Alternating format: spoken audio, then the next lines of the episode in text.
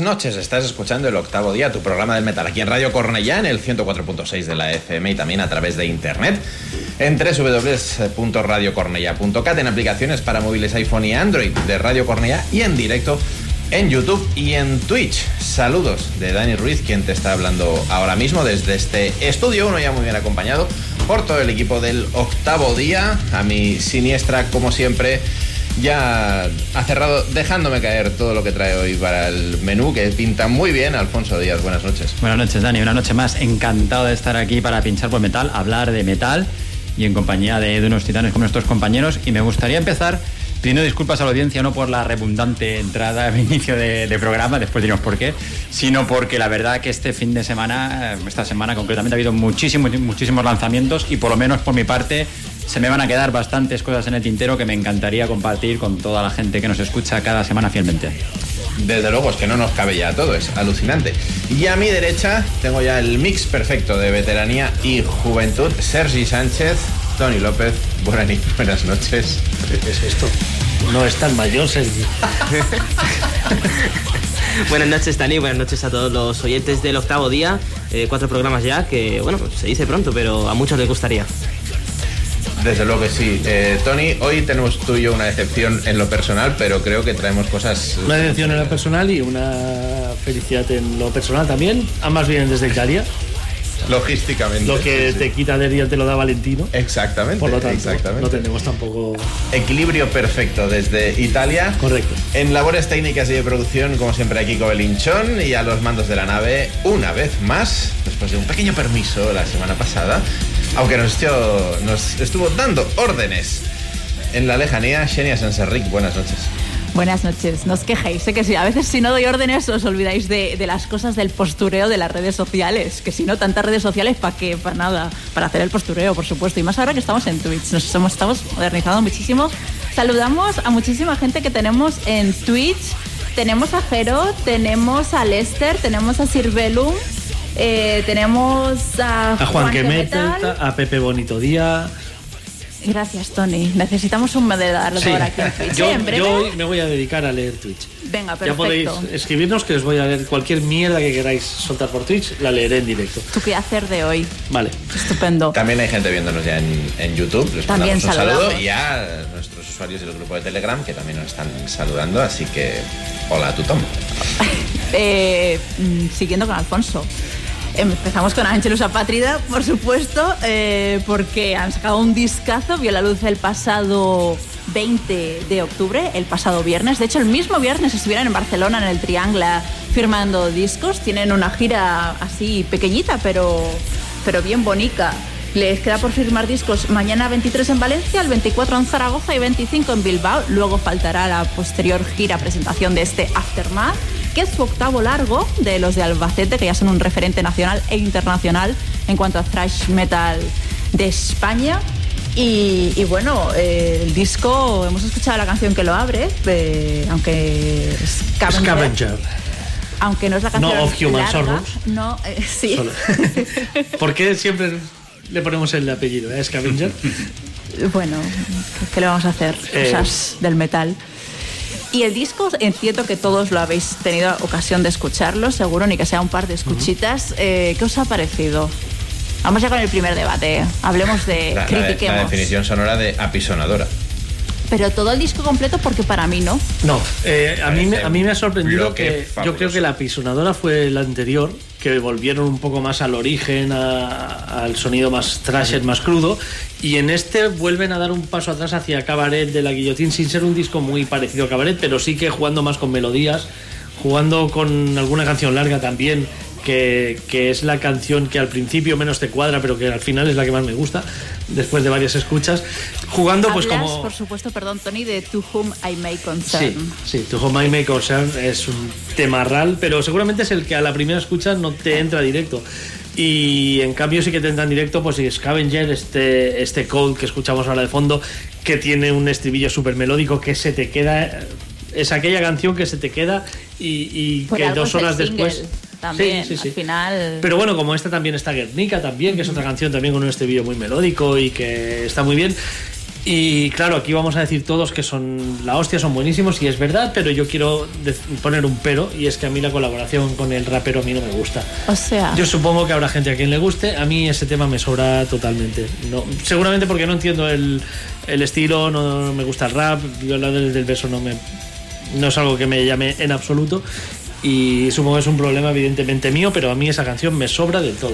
Es la canción que me salto del disco porque, o sea, no. ya a ver, a mí me gusta que haya habido colaboración con violadores del verso por quien son violadores del verso dentro de la escena nacional de, de rap. Entonces, eh, son un auténtico referente Sí, sí, y no me niego. parece bien. No es la canción que más me gusta, pero también he pensado, estamos ahora volviendo en ese revival de los 2000 y el nu metal está volviendo a aflorar dentro del mundillo del metal. ¿Sí? Sí, para, Pues para aquí al octavo día quizá no, pero está habiendo un revival un poquito de los 2000 Entonces, Y nos han hecho un comentario en Twitch, me parece. Al- En Twitch, eh, bueno, Pepe, eh, Pepe nos dice que es una borricada de disco y, y Jero que Vultures and Butterflies con toda la torre, Exacto. vocalidad de Winrage. Es una lucida brutal, es realmente es un temazo tremendo para cerrar el disco. Siempre cierran muy bien los discos Angelus. Ya recuerdo que hace dos discos en Cabaret mi preferida era Martin Sol Chicago, que es un tema brutal para cerrar el disco y aquí también lo han bordado bastante. Yo creo que hay que ponderar varias cosas de este nuevo trabajo de Ángelos Apatrida. Primero, eh, como el que no quiere la cosa, nos se acercan a los 25 años, cosa que yo creo que ya parece que fue ayer, como diría la canción, pero son casi ya 25 años de trayectoria, con una etapa primigenia quizás no tan definida, pero que bueno, que ellos no reniegan de ella y que de hecho les sirvió para formarse como músicos y como la banda que, son hoy en día. Otro detalle a destacar, para mí, es la estabilidad de una formación que también lleva, yo creo prácticamente habrán tenido algún cambio en sus primeros inicios, pero los Angelus que todos conocemos son los que están actualmente, los que conforman la banda. Y segundo, yo creo que, o tercero, que Angelus lo que han sabido hacer muy bien es redefinirse disco a disco en el sentido de que teniendo unos parámetros muy claros de que son un grupo de thrash metal, han sabido jugar con este disco lo hacemos un poquito más cañero, este disco lo hacemos un poquito más melódico, con lo cual han conseguido que no sonar repetitivos, que es yo que me gusta mucho el trash, de lo que acaban pecando muchas bandas, de repetir la fórmula siempre. Entonces estoy de acuerdo con lo que decía Tony, que su anterior disco homónimo quizás era un poco frustración por la pandemia, era una bestialidad, eso sí que era una pisonadora, porque eso te destrozaba las cervicales desde la primera escucha, de primer al último tema. Y aquí creo que han vuelto a jugar un poquito al rollo de ser músicos en el sentido de que veo temas con más desarrollo, más trabajados, con ideas nuevas. A mí me recuerda un, aquel puntito más melódico que tenía eh, Hayden Evolution, por ejemplo, en algunos temas concretos. También estoy de acuerdo con Tony en el tema que dice que, que quizás no es el que entra a la primera, pero sí que es el que sorprende la primera escucha, que eso también es Totalmente. importante. Sí. Y nos deja ver esa, esa parte de, de Guillermo incluso cantando con, con registros limpios, que no es muy habitual. Sí. Y yo creo que, que ahí hay una beta que si saben aprovecharla y no abusar de ella, puede darles mucho juego de cara al futuro. Bueno, Luego- ya, ya, ya experimentaron bastante fuerte con esto en Firewell, en, en Cabaret de la Guillotine también, que es un tema donde Guillermo canta limpísimo. Sí, Una sí, no es- balada, podríamos hablar. No es la, por eso digo, no es la Sí, primera claro. vez, pero yo creo que lo están sabiendo dosificar muy bien para eso, para que quizás no sea seguramente- el tema que, que te entra la primera, pero sí que se dice, ostras, cuidado que no esté tema y deja lo que Igual estás que, haciendo que y te dices, ¿no? Que han evolucionado como músicos y Guillermo ha evolucionado como cantante. Sí, sí, muchísimo, muchísimo. Eh, o sea, eh, no es un cantante espectacular al que le vayas a escuchar hacer unos gritos que no hace nadie ni nada, pero es un cantante absolutamente fiable que consigue defender además en directo todas las notas que da en disco. Y que cada vez tiene más registros y, y- y mejor conjuntados. No sé, Y, y de hecho no es algo viene ahora, porque ya me acuerdo ya en The Call que ya había algún tema que incluso veías alguna subida de tono que, que se sorprendía para el registro que había presentado hasta ese momento. Eh, hablábamos también de las colaboraciones, evidentemente, eh, Jamie Yesta, Pablo García, eh, Todd La Torre. muy sorprendente Pablo García, Sí. solo que hace guitarrista de Warcry, fanático de John Petrucci, eh, por cierto, y que... Pero que tampoco queda fuera de mano, o sea, No, no, es que, es que precisamente es, es un solo que no creo que metiese en Warcry. Es un solo. mm, Bueno, yo creo que se ha divertido mucho Pablo haciendo. creando este solo porque es algo que no es lo habitual que, que suele hacer él. Eh, yo creo que en definitiva es un disco redondo que sigue la, la buena trayectoria que, que llevan Ángelos a Patria en los últimos años. Yo creo que prácticamente en toda su carrera. Eh, siguen evolucionando, siguen creciendo. Creo que ya tienen fechas por Europa confirmadas en algún tour. O sea, son ya algo más que, que la banda puntera de, de thrash metal nacional. Yo creo que ya se les puede meter dentro del circuito europeo. Y hace tiempo, yo creo que ya hace tiempo que se les puede meter y están a la altura, puede mirar de tú a tú a muchas bandas internacionales. Y simplemente desearles mucha suerte y a ver si tenemos ocasión de hablar con ellos próximamente, que nos expliquen un poquito Creo que lo más grande, detalles. lo grande de, de este disco es que todo el rato reconoces a Angelus porque han desarrollado un sonido propio, pero hay momentos que dices melodía Testament o tratamiento de voces Testament, porque sin parecerse Chuck Billy en las voces, muchas veces creo que tratan bastante, sobre todo con coros y demás, el tratamiento de Testament. Hay un riff en, en Cold eh, que es Sepultura, o sea, es el dinner set de Sepultura, 100%. O sea, eh, reconoces a Megadeth, reconoces, reconoces cosas de los más grandes, pero sabes que son ellos en todo momento, y me parece que eso es brillante. Me Y, parece y- una cosa y- y brillante. aparte de, de lo bien llevada que está su carrera musicalmente, también a nivel de management y, y de promoción, porque recordamos que el primer adelante salió justo antes de su actuación en las pantallas de Leyendas. Lo pincharon allí, estrenaron el videoclip. De hecho, mucha gente acabó hasta los. acabó, ya está bien la canción de Ángelos, sí, sí. Y, por eso te digo- y bueno, y cuando ves el- el- lo que es el producto, ves una portada de auténtico lujo. La portada es tremenda. Simplemente, pequeño tirón de orejas, como decía Tony, también hay que hacerlo. Tenía que haber llegado la copia del nuevo disco con el DVD y no ha llegado. Ha habido un retraso y no llegará hasta el miércoles. Cuando los que lo habíamos pedido para tenerlo el mismo viernes, pues vamos a tener Ha que habido un esperar. problema con la Sí, con la fabricación del DVD. DVD. Sí. Exacto. Pero eso no quita pequeño tirón de orejas. porque los que teníamos ganas de tenerlo entre las manos ya el primer día, hemos tenido que esperar un poquito. Parece mentira que en 2015 los veíamos entrando justo al Rockfest porque abrían A las el- 12 de la el mañana. sábado. El domingo, domingo, el último día. Sí, fue el domingo, puede O- ser. o- sí, sí, porque era de viernes a domingo. Fue Puede domingo. ser, sí, sí. Sí, sí. Eh, abrían el día y ahora estarían, están, vaya, en los festivales mucho más arriba. tiras. Por cierto, Alfonso, apuntando a lo que comentabas, eh, desde 2002, formación estable. Bueno, ¿cuántos añitos? 21, 21 años. añitos ya de formación ahí Eh, que pues, se nota. Quería puntualizar que la verdad es que estoy muy de acuerdo con lo que con esto último que ha dicho Tony. Creo que Angelus eh, están descubriendo, o más que descubrir, están reafirmando que dentro de su estilo, de su pureza de Angelus que ya todos conocemos, eh, tiene un abanico muy muy grande y que nos lo han enseñado en este disco. Eh, han vuelto un poco a ese tono más melódico, como decía también Tony, eh, estilo cabaret, pero tampoco tanto. en el último, en el homónimo de Angelus Apátrida, pues con Indoctrinate y Wistaranon, que eran más bestias, más burras, que entraron a la primera, que incluso ya decías, hostia, esto incluso me suena a Crisis, ¿no? Ese, ese tono thrash más. Más de Angelus de los primeros discos, pero bueno, lo que decía, al final en este eh, están pudiendo hacer una, una mezcla de todo y al final eso es, eso es lo, más, lo, lo más bueno y lo que para mí hace que sea un discazo, un absoluto discazo.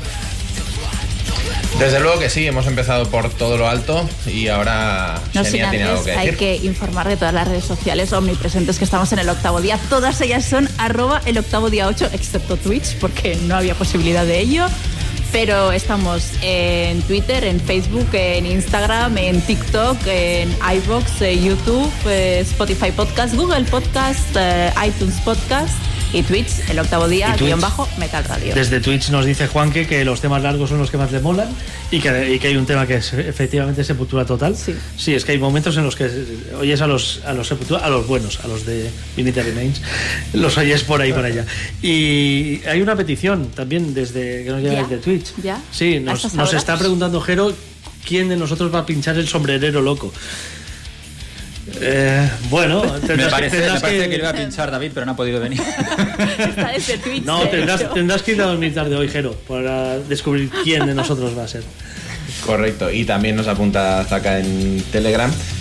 al respecto de Angelus, que es como si se pusiera una cautelera lo bueno de todos los grandes, pero sonando siempre con, con esa identidad de los de Albacete. Totalmente. Bueno, el momento Angelus, inicio y primer disco que se lo merece. No somos fans. Hasta aquí llega. Pero seguimos porque también ha habido nuevos lanzamientos, como apuntaba Alfonso. Sí, y ya que la jefa me ha pisado la primera ración de zapatilla, pues tengo que levantar un poco el pie del acelerador, calmarme un poquito y me voy a ir al heavy metal. Tú puedes, Alfonso. Yo puedo, yo puedo intentarlo. Nos vamos a ir al heavy metal y curiosamente voy a hablar de una banda que conocí el pasado jueves. Toma ya. O sea que mientras estaba esperando el disco de Angelus que al final no llegó, pues me dediqué a descubrir a estos chicos. Estos chicos que se llaman Savage, que son alemanes y que ya de entrada voy a decir que tienen el handicap del nombre, porque no sé cuántas bandas hay indexadas que se llamen Savage. Con lo cual creo que es una losa que, que después Estos de son Savage eh, con D o sin D. Sin D. Vale. los los de D son de aquí. Estos son eso, Savage sin D. Y bueno, pues son cuatro mozalbetes eh, de Bavaria, alemanes, como decía, que se formaron en, en 2019. Y como os digo, no tengo mucha información, voy a preferir que hable la música por ellos, pero voy a dar cuatro datos para que los tengáis en cuenta, para que los podáis localizar en redes a través de Metal Archive, podéis encontrarlos también. Hay, hay cuatro Savage en Alemania. Uno de, solo en de- Alemania. uno ¿no? de ellos. Creo que unos ya no están, eh, están activos, que son de finales de los 80 Exacto. o algo así. Pero no, estos se formaron, como decía, en 2019 y en 2022 sacaron un primer EP homónimo en el cual pues ya podíamos ver con sus pintas eh, que lo suyo era el, el heavy metal ochentero.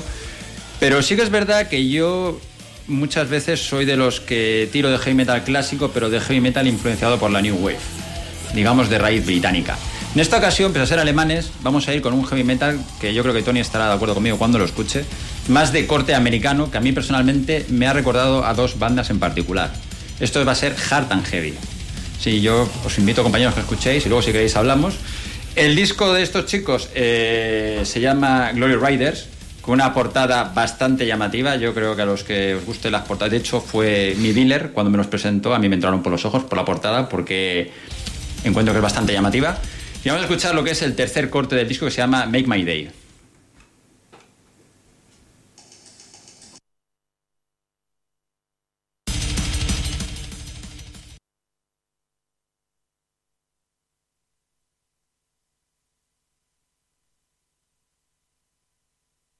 He, he tenido un fallo técnico porque, claro, no lo he visto Claro, sin cable no va. por aquí. Debería, debería haber un conector a la fuente de sonido que no hay y que siempre está por aquí. Pero Dani, esto queda muy... Viste Pero mucho si son los problemas de riguroso directo. Sí, sí, de Tal hecho cual. creo que es la primera vez desde que se utiliza este sistema hace eh, unos 12 años que sucede, porque, claro, debería, debería haber un cable que no hay. Eh, ¿Sabemos algo del cable? Ah. Está Tony ahora mismo en labores de producción. Nos, fal- de- nos falta la, la cámara Debajo. subterránea para que, para que Debajo. Tony salga debajo de la mesa, que esto suena un poco embarazoso. Ya tenemos a Tony debajo de la mesa tirándome del cable. Eh, ahora no vamos a tener problema ya para escuchar este. y ahora, sin más dilación, vamos a escuchar este De- Make My Day de Glory. Riders.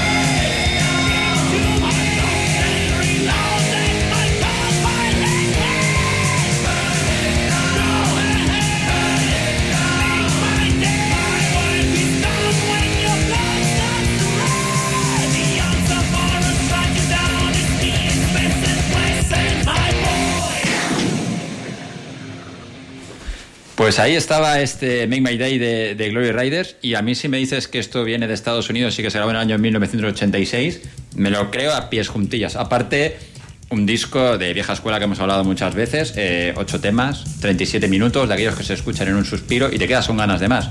Decía que a mí personalmente me recordaban a dos bandas clásicas, voy a decir dos nombres a ver si esté de acuerdo conmigo, uno Wasp y otro Twister Sister. Pues, sí, muy de acuerdo, la verdad. Los dos nombres que me habían aparecido a mí en mente cuando los estaba escuchando, Twisted Sister me ha costado más. Más por el rollo de los estribillos, quizás. sí, ujú, pero por sonido Wasp muy sí que- guas, muy ochentero. Me lo quedo este, ¿eh? ¿Sí? Me lo quedo. Queda. Este me lo quedo. Con una especie de Oscar Sancho a la voz. Bueno, Uy, no menciones al inmencionable. Cuidado. Porque ha sido el, el culpable de que se haya cancelado la gira de Destroyer 666. Pero la voz. Pero. Pero Puede llegar de aquí, ¿eh? sí, sí, sí, son aquellos nazis. O no. Que no estén. O, o no. O no, o no. o no. Presuntamente. Ah, vale. Presuntamente. Vale. La verdad es que la propuesta está muy bien, Alfonso, que al final es lo que nos importa aquí. accidentada al principio, accidentada al final. ¿Esto qué es? ¿Me estáis boicoteando qué? No sabemos cómo decirte según qué cosas. Hay mobbing en el Alfonso, octavo, estamos ahí, moving. Yo acabo de salir de la mesa, o sea, no podéis- No, no- no pretendas que vuelva a Me acaba de parir una mesa. Y te lo agradezco mucho. Sergi, más novedades. Sí, totalmente. Eh, os, os traigo lo nuevo de Firewind, una banda que para mí está a un nivel excepcional mm, con sus últimos trabajos. En 2017 sacaron el disco Immortals con, con Henning Base a, a las voces, el, el que fue cantante de Metallium. Para mí un- fue un bombazo de disco. El que es cantante de metal. El que, sí, porque. Exacto, se han O sea, vuelto a juntar. Sí, sí. Bueno, ya, veremos, a ver qué pasa con estos, me, encantaría verlos. Eh, después de esto, pues se marchó eh, Henning y mm, vino eh, Herbie Langans, este nuevo cantante con el que ya han sacado un disco, que es el homónimo Firewind, y con el que ya tenemos dos singles de lo que será su próximo disco, que saldrá el 1 de marzo de 2024, que lo acabo de ver, acabo de, de apuntarme la fecha, que es Stand United, esto es Salvation Day.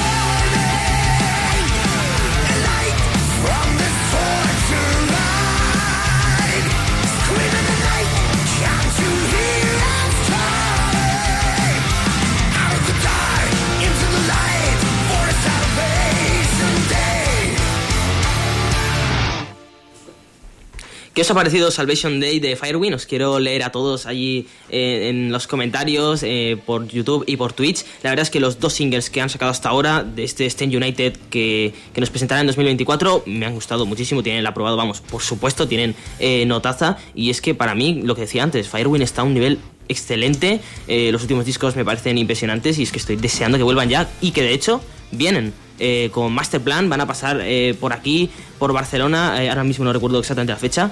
Eh, ¿Era por marzo? Sí, era y principios de marzo. 8 principios de marzo, creo recordar, pero Ujú. es muy de memoria. Sí, sí, sí, sí. 8M. Principios de marzo. Y vamos, eh, a Un este de. Langlands que, que hará doblete. O sea, Masterplan Firewind, que podría cantar él todo el Sí, concierto. Totalmente. Sí, totalmente, sí. Sí, sí, sí.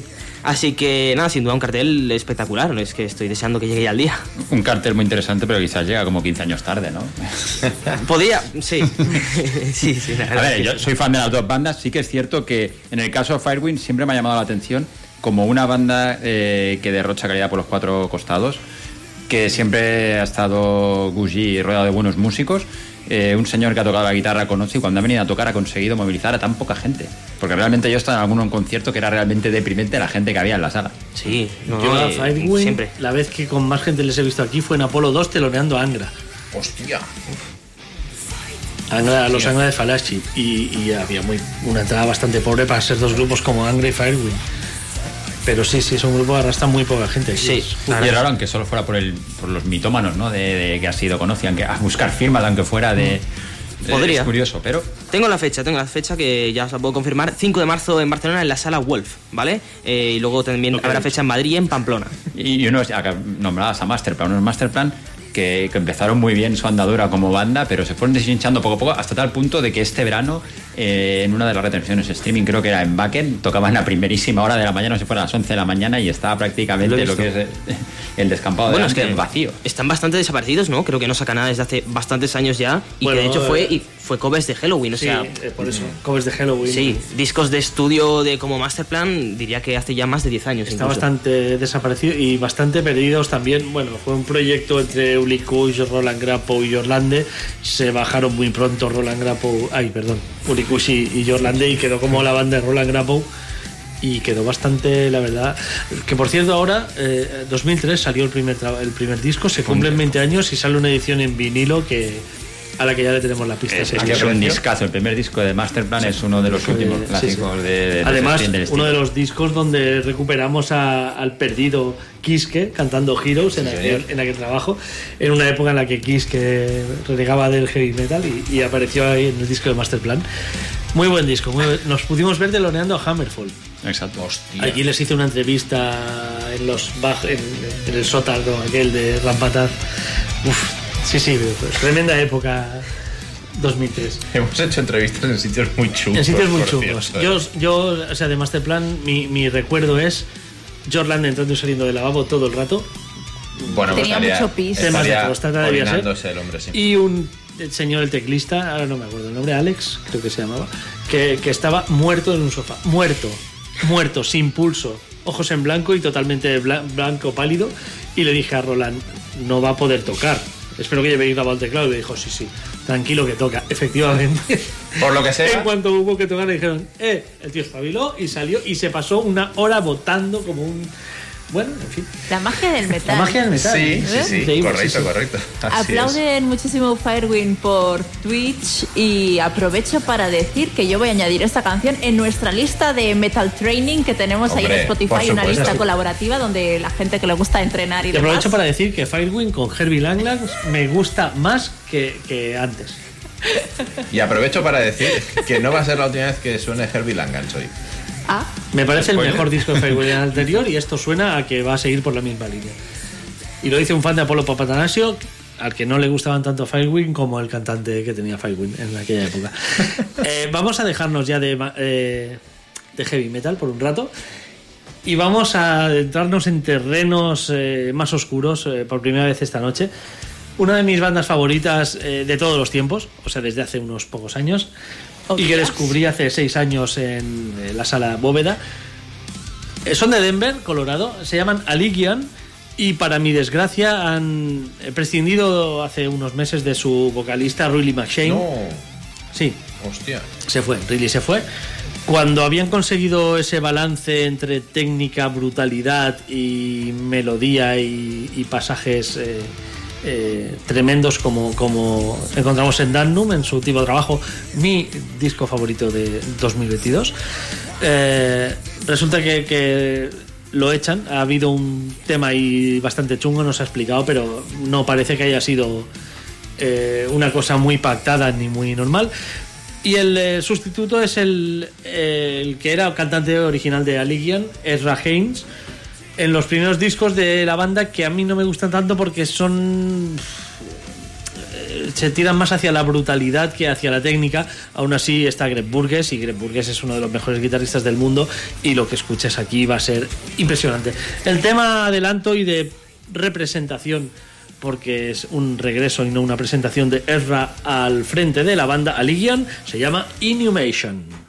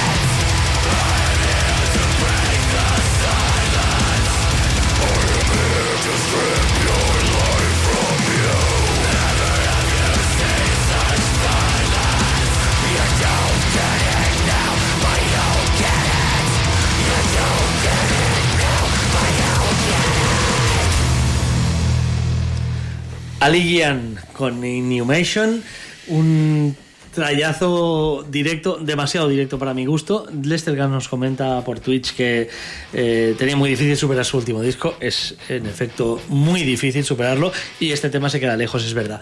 Eh, explora mucho la vertiente más bestia de Aligian y se deja a un lado pues todo lo que creo que habían ido construyendo en los últimos discos y que en los dos últimos y sobre todo en el último tenía una culminación. Puede ser el tema de presentación y de decir estamos aquí, golpe en la mesa, pero luego va a ser más variado. Es la esperanza que me queda, porque si todo el disco va a ser así, va a ser un volver a los primeros trabajos, donde era una banda que está bien porque son muy buenos, musicalmente son impresionantes, pero es otra banda más que hace esto. En cambio, estaban llegando a, un- a una personalización en los últimos discos que, que a mí, a mí me, me llegaban bastante más de lo que me ha llegado este tema. Que también es verdad que a fuerza de irlo oyendo eh, va entrando, pero yo creo que Really My Shane, que también tenía un gutural muy profundo, pero a la vez tenía una voz limpia muy, muy chula, creo que le daba más riqueza. Eh, es verdad que Ra tiene muchísima potencia y que, y que rasga a saco y, y muy bien, pero yo creo que hemos perdido más de lo que parece aparentemente. eh, Porque al final es, una banda que es Brandon, es Greg, que son unos máquinas en los suyos, sus instrumentos, y parecería que el cantante es como el complemento de ellos, pero yo creo que con Riley hemos perdido ahí un tío que además tenía bastante mano en temas como Back Home, por ejemplo, que es una auténtica maravilla y que creo, espero equivocarme, que, que ya no vamos a escuchar ese tipo de temas de Aligion. Este Inhumation, pues ya veis, no sé qué os ha parecido en la mesa, pero es tralla por un tubo. Exactamente. Esa, esa parte más melódica que me encantó del disco anterior se la han fumado un poquito. Ahora, es como tú dices, a lo mejor sigue estando presente en el resto del disco. Bueno, quizás la intención es de primera rescatar a algún fan que se hubiera descolgado de la primera época para hacerle una reentrée y luego el disco, evidentemente el cantante es una pieza y la banda sigue más o menos estable. Sí, porque con lo cual la evolución instrumental se supone que habrá seguido por los mismos derroteros que el anterior, el anterior trabajo. Sí, ¿no? porque desde luego es, es cierto lo que dices, que, que si miras el vídeo que colgaron en YouTube con este tema, hay muchísimos comentarios de fans antiguos de la banda diciendo que guay que ha vuelto Erra, es que nos encantaba este cantante y tal. Y sí que es verdad que han llamado la atención de los antiguos fans de Aligion, los más nuevos, como podía ser yo, o los que les guste un poco más, eh, bueno, pues abrir un poco de, miras este estilo. Eh, es que este estilo, este metal extremo técnico, es muy particular. Tienes que sonar primero muy bien, eso lo tienen. Suenan nítidos, cada instrumento lo diferencias perfectamente y son musicazos. Pero luego además tienes que ofrecer algo más, no es solamente técnica, velocidad y brutalidad y nitidez, sino que además tienes que ofrecer, creo yo, a nivel compositivo algo diferente, porque si no hay a patadas y, y a- además en Denver debe haber como 20.000 o 30.000 bandas que hacen este estilo. Y, y más teniendo que están ahí también Oceans of Slumber, que la parte extrema podría ser perfectamente Sí, sí. esto por los conocimientos que tienen. A mí la canción en sí me ha gustado, pero es en plan, bueno, quiero, quiero, o sea, un disco entero así se me va a hacer repetitivo. Claro, eh, es, es cierto que los primeros discos, el primero quizá es el más flojete, pero los dos siguientes, que son bastante así, sí que es verdad que tienen partes eh, donde llaman tu atención. Sí que es bastante así, pero, pero hay, hay partes no tan marcadas como en Damnum, pero sí que hay partes que, que los hacen algo diferentes al resto de bandas. Quiero creer que van a guardar esa evolución y aplicarla Eh, también. Yo ¿no? creo que esa esencia la guardarán, si no estaríamos hablando de una involución más Sí, que de una sí, evolución y sí, volver sobre sus pasos. De todas maneras, eh, viendo los cambios de personal, creo que evidentemente el disco está ya grabado, prensado y a punto de salir, ¿no? No, sale. Pero sale- bueno, está ya grabado seguramente. Sí. Pero sí que es verdad que a la hora de entrar al estudio habrá sido una auténtica encrucijada para la banda. eh, El enfoque que le iban a dar a estos nuevos temas, por lo que tú decías, sabiendo que hay fans que renegaban de ellos por su evolución y otros fans que habéis adherido a, a la banda gracias a esa, precisamente a esa evolución. Con lo cual debe haber, debe haber sido difícil ¿no? mirar atrás con personal del pasado, mirar hacia el futuro. Sí, sí.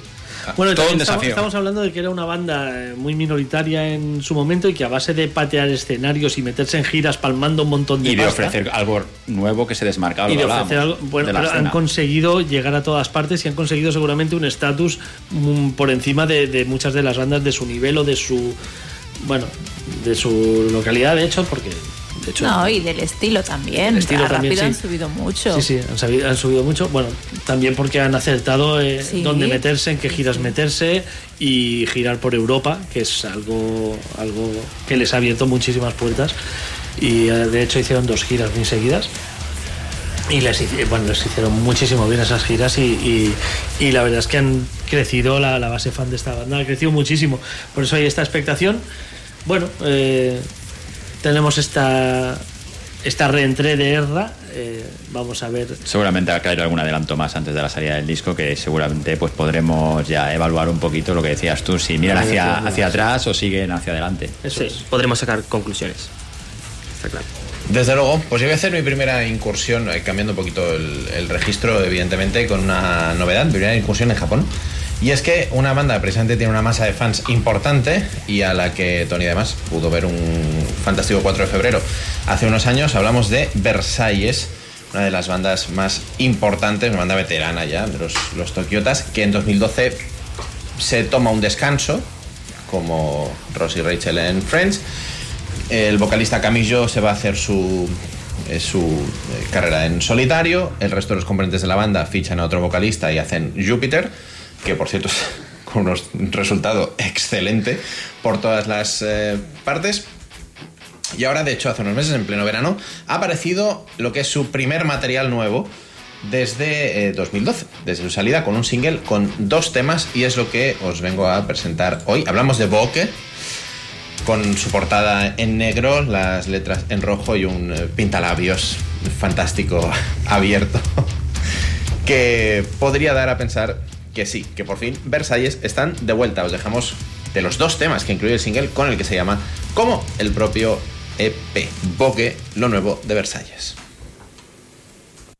鏡の中の私は死んだような顔をして情けないほどに頬を濡らしてた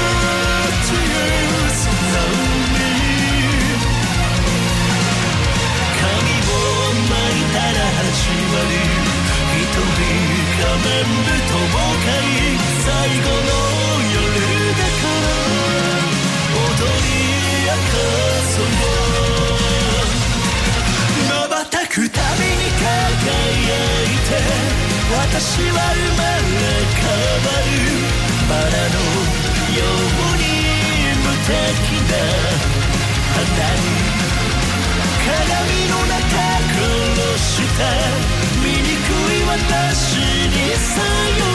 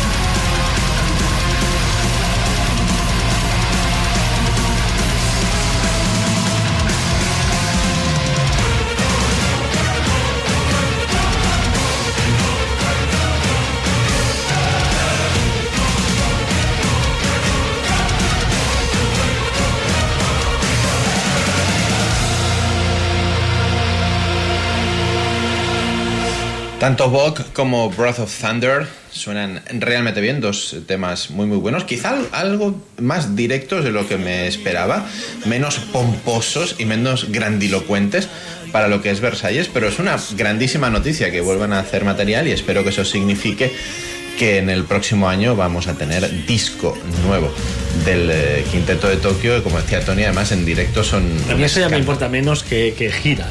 Eso es cierto, eso es cierto. Vamos a tener que, hacer algo, Dani.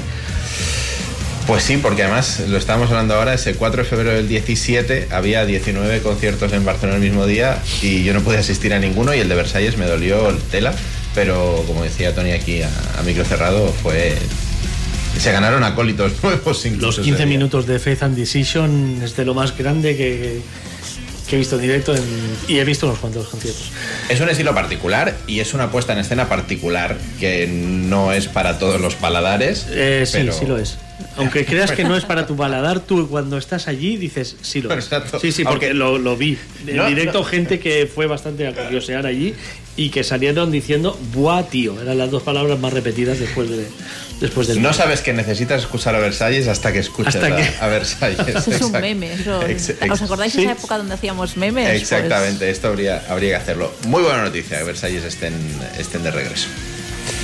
Pues nada, yo de 2017, ¿no? Que decíais que fue el concierto, me voy a 2020, plena pandemia, ese Eurovisión del Sacando metal pecho. 2020, porque Effective Wonder eh, la semana pasada... Eso, eso no es 2020, eso es muy 78 como mucho, ¿eh? Boomer. Incluso. Y a mí no me pertoca por edad ser boomer, pero es lo que hay, rodeada de, de boomers. es lo que pasa. Lo dice por ti, Sergi. Exacto. Hay más no boomers que boomers ahora mismo aquí. ¿eh? Sí, es- Correcto, no, es- correcto. o- Yo no sí, sé dónde cierto. estoy. Tú creo que estás en el límite. ¿Millennial? Los que hemos nacido en los 80, no Eh, sé. Series de los 80 también. Sí, pero de finales. Es igual, de los 80. Pero de Sí, sí. finales. No lo sé. Yo creo que soy millennial ya. Pues como yo, yo Claro. soy millennial. Pues eso. Bueno, sea lo que sea, como sintáis o como os queráis eh, mostrar. Eh, la semana pasada yo estuve viendo el primer y único concierto hasta la fecha de Shallow Waters. Voy a presumir aquí para una cosa que puedo presumir de conciertos. ¿eh? Pues voy a presumirla. Claro. Estuve, me fui hasta Euskadi, a- concretamente a la Sala Grove de Portugalete, en Vizcaya, pues para ver, eh, como digo, el debut de Shallow Waters junto a Evadne. Me pareció como un cartel magnífico.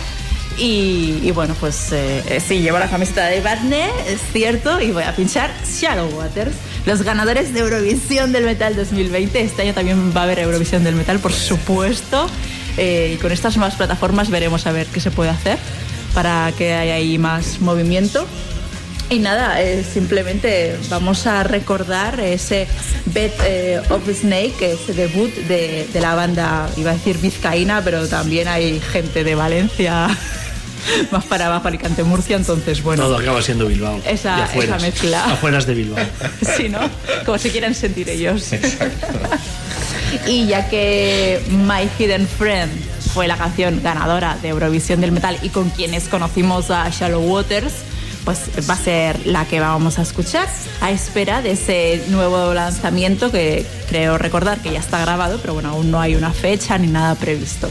Así que recordamos a Shallow Waters con My Hidden Friend.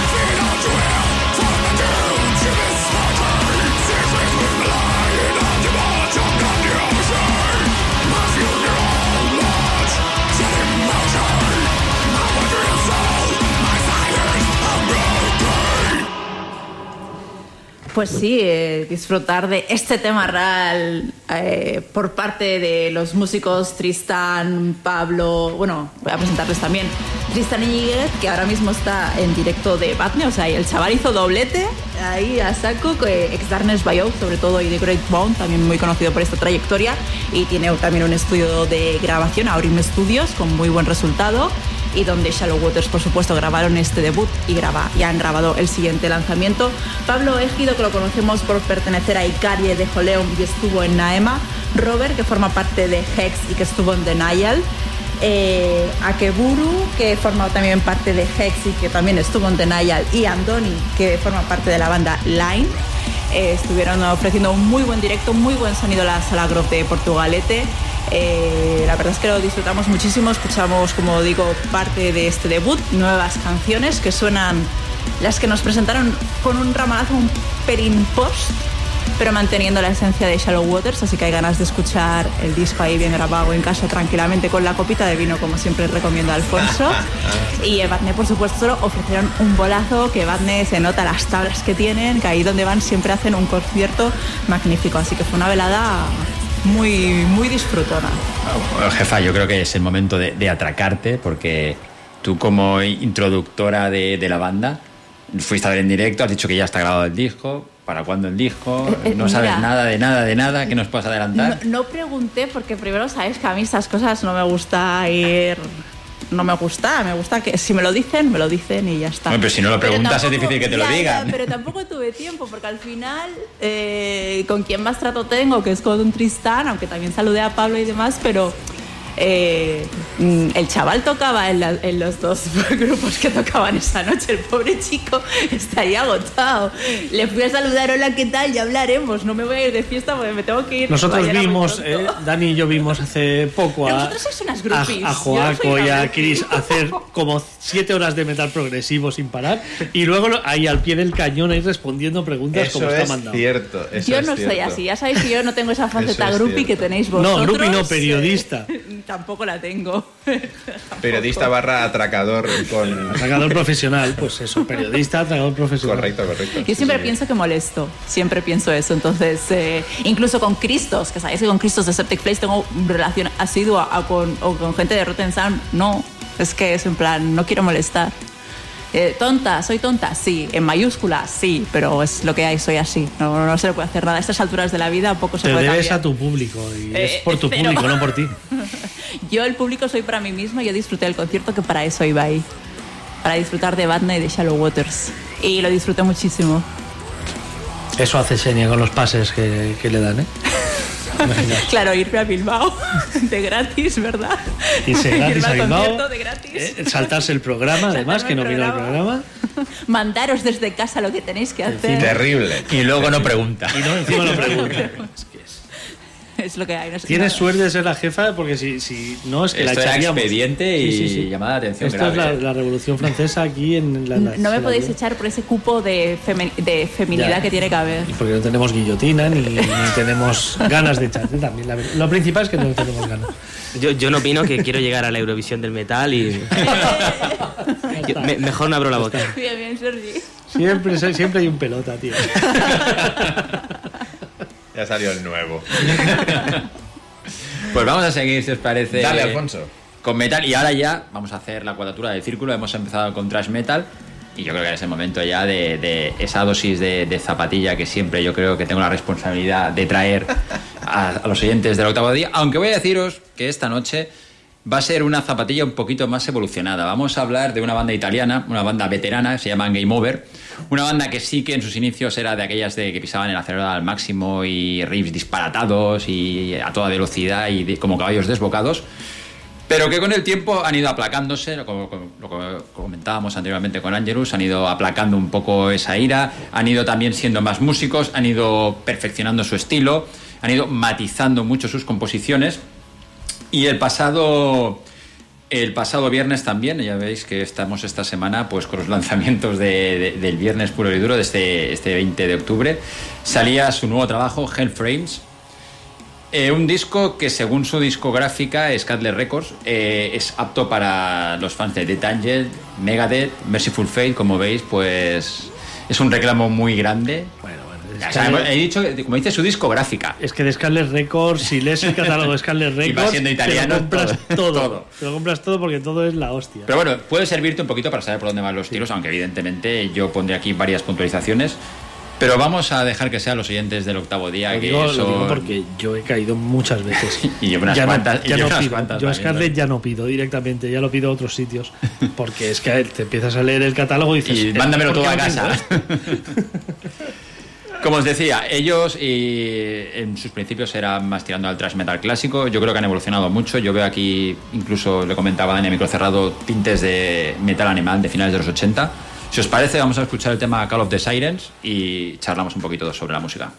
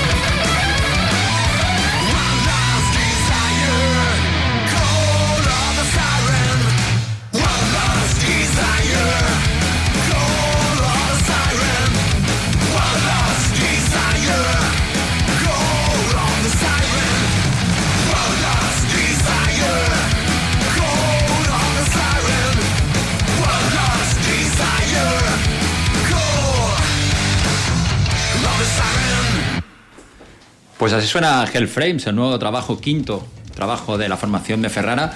Como decía, una banda que empezó con un thrash metal muy prototípico y que ha ido evolucionando hacia derroteros más heavy metaleros. Y yo me reafirmo en mi, en mi convicción de que a mí me suena esto casi más a metal alemán que no a, a thrash metal. Sí, sí. Absolutamente. Bueno, ese, ese speed alemán Sí, exacto, rozando el thrash. tipo Rage, que le comentaba yo Sí, sí. antes Sí, a o- Dani. Sí, ese, ese speed que tenía sus momentos que no sabías dónde acababa el speed y empezaba el thrash. Sí, ya es eso. Más speed que thrash, está claro. Un disco completo que luego evidentemente sí que tiene, tiene algún tema más eh, prototípico de- dentro de- del estilo de lo que es el thrash metal. como Deliveras, ¿no? que es muy, muy zapatillero. Pero también hay otros pues que incluso tienen algún momento de guitarras acústicas haciendo introducciones, o sea, un disco muy trabajado, un disco que sale de, los cánones más habituales del thrash metal que yo suelo pinchar, pero un disco pues también cortito de apenas 40 minutos, con 10 composiciones y muy variado. Un disco que pasa muy bien y que realmente a la gente que os guste esa propuesta media combino entre el thrash y el heavy metal cañero, heavy speed como decía Tony, pues ahí está en Game Over con este Hellframes, que yo creo que puede haceros pasar un rato muy muy agradable. La verdad que sí, Pinta muy bien. sin duda. Sergi. Eh, estoy viendo muchos. Ah, perdón, estre- perdón, No, perdón. no, iba a perdón. hacer un comentario de los que nos dicen en Twitch, pero Adelante, no, adelante. No, no hay problema. Simplemente comentan al respecto que la distorsión de las guitarras no ha sonado muy thrash. Es ahí. De hecho, lo hemos comentado antes, ¿no? Más un speed. Sí, más speed. A los Roy Annihilator comentan. Thrash Roy Annihilator. Sí, ese thrash que no llega a ser thrash puro, Sí, sí. igual como lo conocemos. Pero pasa muy bien, muy fresquito. Sí, aparte este tema en concreto es directo, pegadizo, se queda tras una primera escucha te quedas con el estribillo. Eh, pues nada, como, como iba comentando, estoy viendo mucho, bueno, mucho material fresco, eh, nuevo. Yo quería remontarme al año 2021, que tampoco está tan lejos, eh, con una de, de- Para mí las bandas del momento están en mi top ahora mismo y lo están petando, como es Brainstorm. Eh, para mí lo, último que han sacado estos tres últimos discos están, bueno, se están superando y están a un nivelón. Eh, es que no, puedo tener más que, palabras eh, buenas para, esta banda que de verdad, repito, me están encantando. Y del Wall of Schools, si lo buscáis en Metal Archive, si lo, escucháis por YouTube o por Spotify, veréis que lo anuncian como un disco con 11 temas, un discazo, pero que, que os están engañando porque no tiene 11 temas. Si tenéis la versión en físico, el álbum eh, en físico, o al menos la versión edición limitada el de Digipack, porque ahora no estoy seguro si en todas, veréis que tiene 12, que incluye un bonus track que no tiene desperdicio alguno. Así que eh, aprovechadlo bien porque no sé cuándo lo volveréis a escuchar, al menos que tengáis la versión en físico. Esto es Cold Embrace.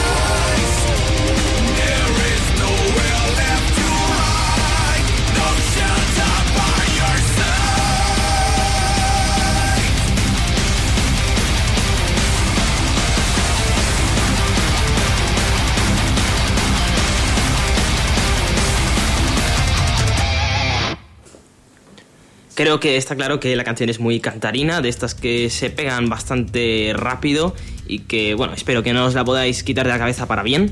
Eh, dentro de, bueno, del estilo de Brainstorm, ese power que no llega a ser power del todo, que tiene su, sello de identidad, eh, pero que realmente me gusta muchísimo. No- no acabo de entender el por qué se ha quedado como bonus track. Podría haber sido una de las 11 principales perfectamente. Eh, pero bueno, han dejado igual esa joyita para los fans y tampoco me parece mal. La verdad es que una banda que para mí está sacando un material excelente, así que espero recibir noticias de ellos muy pronto y que vengan por Barcelona, que la última vez me tuve que ir hasta, hasta el Euskal Metal Fest en Euskadi para verlos, así que espero que no vuelva a pasar. Estaba yo chequeando cuando los vi en directo. 2004. Nocturnal Rides presentando el New World Messiah. Brainstorm y Ed Guy. Brainstorm lo hicieron tan escandalosamente bien que cuando se retiraron ya al camerino la gente abucheó y siguió abucheando hasta que Esto salió fue- Ed Guy y siguió bueno siguió abucheando casi todo el concierto de Ed Guy pero queríamos más de. ¿Fue Rap 2 esto? Raz 2, Raz dos. eh, Tobias Samet a mitad de concierto hizo un salto y bueno, el resto del concierto, cada vez que se giraba el público, digamos que veíamos más de lo que queríamos ver. Pobre Toby. Ese, ese día acabamos en la mesa que había en el Pepe, al fondo del Pepe, con los brainstorm y el batería que le había comprado 500 gramos de jamón ibérico a la mujer, comiéndose todo el jamón. No llegó ni uno de esos 500 gramos de Pero jamón a Alemania. Es que mi mujer pero- me pide que cada vez que vengo por España le lleve jamón ibérico y no llegó nada a Alemania Pues porque llévaselo, cabrón. no pasó del Pepe. Llevárselo, ese jamón. Muy bien. Dijo no, porque luego cuando llego allí hago un pedido y, y me lo envían y ya está. o sea, la excusa era para comerse medio kilo de jamón el tío allí. Muy, muy grande. Muy grande. Eh, yo en ese año eh, creo que fue también el, cuando tocaron en Machina, Sí. que estuvimos entrevistando a Andy Bifranc ahí en, en el, en el propio festival. Y Brainstorm que, que, que ya entonces tenían un sonido definido y que han encontrado esa fórmula y para adelante, y todo temazos además. Una banda súper fiable en directo. Quizá pecan de eso, de que es tan lineal seguramente, tan igual que, no sé si en Barcelona pues la gente se ha cansado ya de ir a verlos, a ver otra vez lo mismo, no lo sé. Yo creo que la última vez que los vimos en sala fue en 2016 con Primal Fear, si no me equivoco. Hostia. Sí, yo esa fue la última en sala, y la, sala. bueno, la, y la única aquí en Barcelona, quitando festivales. Yo no sé si en algún festival, creo que me he cruzado con ellos, pero yo en sala. Sí, sí, recuerde, recuerdo pues, además en, en, en el Rockfest Barcelona de, no sé el año exactamente, la verdad, diría que igual 2018 o por ahí, Puede ser. que además también que la en gente sala- se quedó coreando el All Those Words mu- varios minutos, un cuarto de hora casi, que la gente no se quería ir, vamos, yo creo que nos fuimos porque empezaban unos monstruos como Dimo Borgir o algo así, y había que irse, pero, No, pero no, no. vamos. Eh, Coincidían Brainstorm fue en la carpa a la Sí. misma hora que Dimo Borgir. Eh, lo que vale, pasa, claro, vale. lo que pasa que cuando acabó que sonaron además de lujo en la carpa, Sí. yo creo que no escucho, bueno, sí, eh, algún grupo escucha sonar también, pero en la carpa, como Brainstorm, poca gente. Uno de los conciertos de, ese- de esa edición, de los mejores. Pero claro, cuando acabaron queríamos salir a ver un, un poquito de Dimo Borgir, por lo menos, ya que estaban tocando Dimo Borgir. Cierto, recuerdo Y- que salí escopeteado. Algo, Eh, algo bueno, pasaba. pero, pero sí, sí, pero no nos, no nos acabamos de ir porque no, no, no, No nos ganas de irse con el bolazo que, que hicieron, es verdad. Eh, no sé, es, es complicado porque estas bandas, eh, bandas que, que te- que vienen cada año o cada dos años, que dices otra vez Brainstorm en una gira, otra vez, y de repente dejan de venir y ahora las echas de menos. ¿eh? Y dices, eh, como Rage, ¿no? otra vez viene Rage, y de repente Rage. Gira de Rage ya no pasa por aquí. Otra gira de Rage tampoco pasa por aquí. Y hace muchos años que no pasan Ahí. por aquí, los echamos de menos. Ahí. Exacto. Sí, sí. Es así, bueno, la vida. Yo quería decir, este tema entonces no se puede encontrar en, en Spotify. En Spotify. Cero. Claro, es. Eh, estaba, he estado recopilando esta semana música para hacer un par de especiales. Y, y me he encontrado que hay muchísima música que no está en Spotify. Lo cual nos da una cierta ventaja porque yo puedo hacer un especial sobre música que no tenéis tan fácil de encontrar. Eh, pero, pero es verdad que hay, hay una época sombría o sombreada por Spotify donde eh, el progresivo que se hizo del 97 al 2002 más o menos, un Prog Power, hay cientos de bandas que no están en Spotify.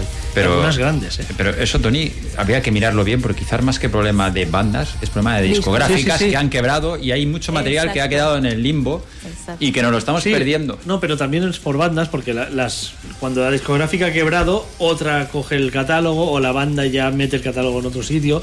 Eh, me me acuerdo, por ejemplo, en Music for Nations, todos los que estaban en Music for Nations en los 90, el catálogo los tienen otras discográficas y de una manera u otra están.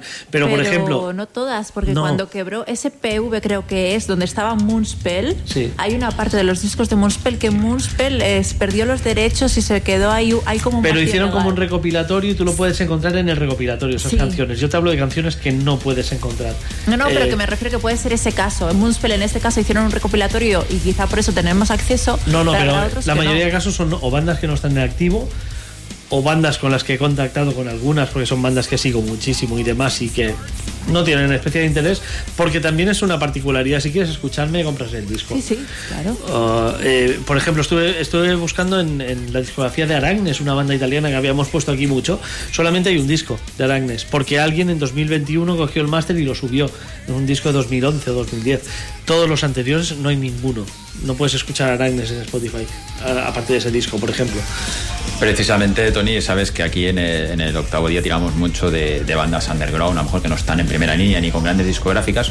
Y hay algunas bandas que están eligiendo precisamente debido a los pobrísimos mm, beneficios que da las reproducciones en, en páginas como Spotify, bueno, páginas en plataformas como Spotify o Apple Music, eh, no subir sus trabajos y realmente pues ponerlos a la venta a través de Bandcamp, de sus Con las de Eternal Champion, Exactamente. por ejemplo.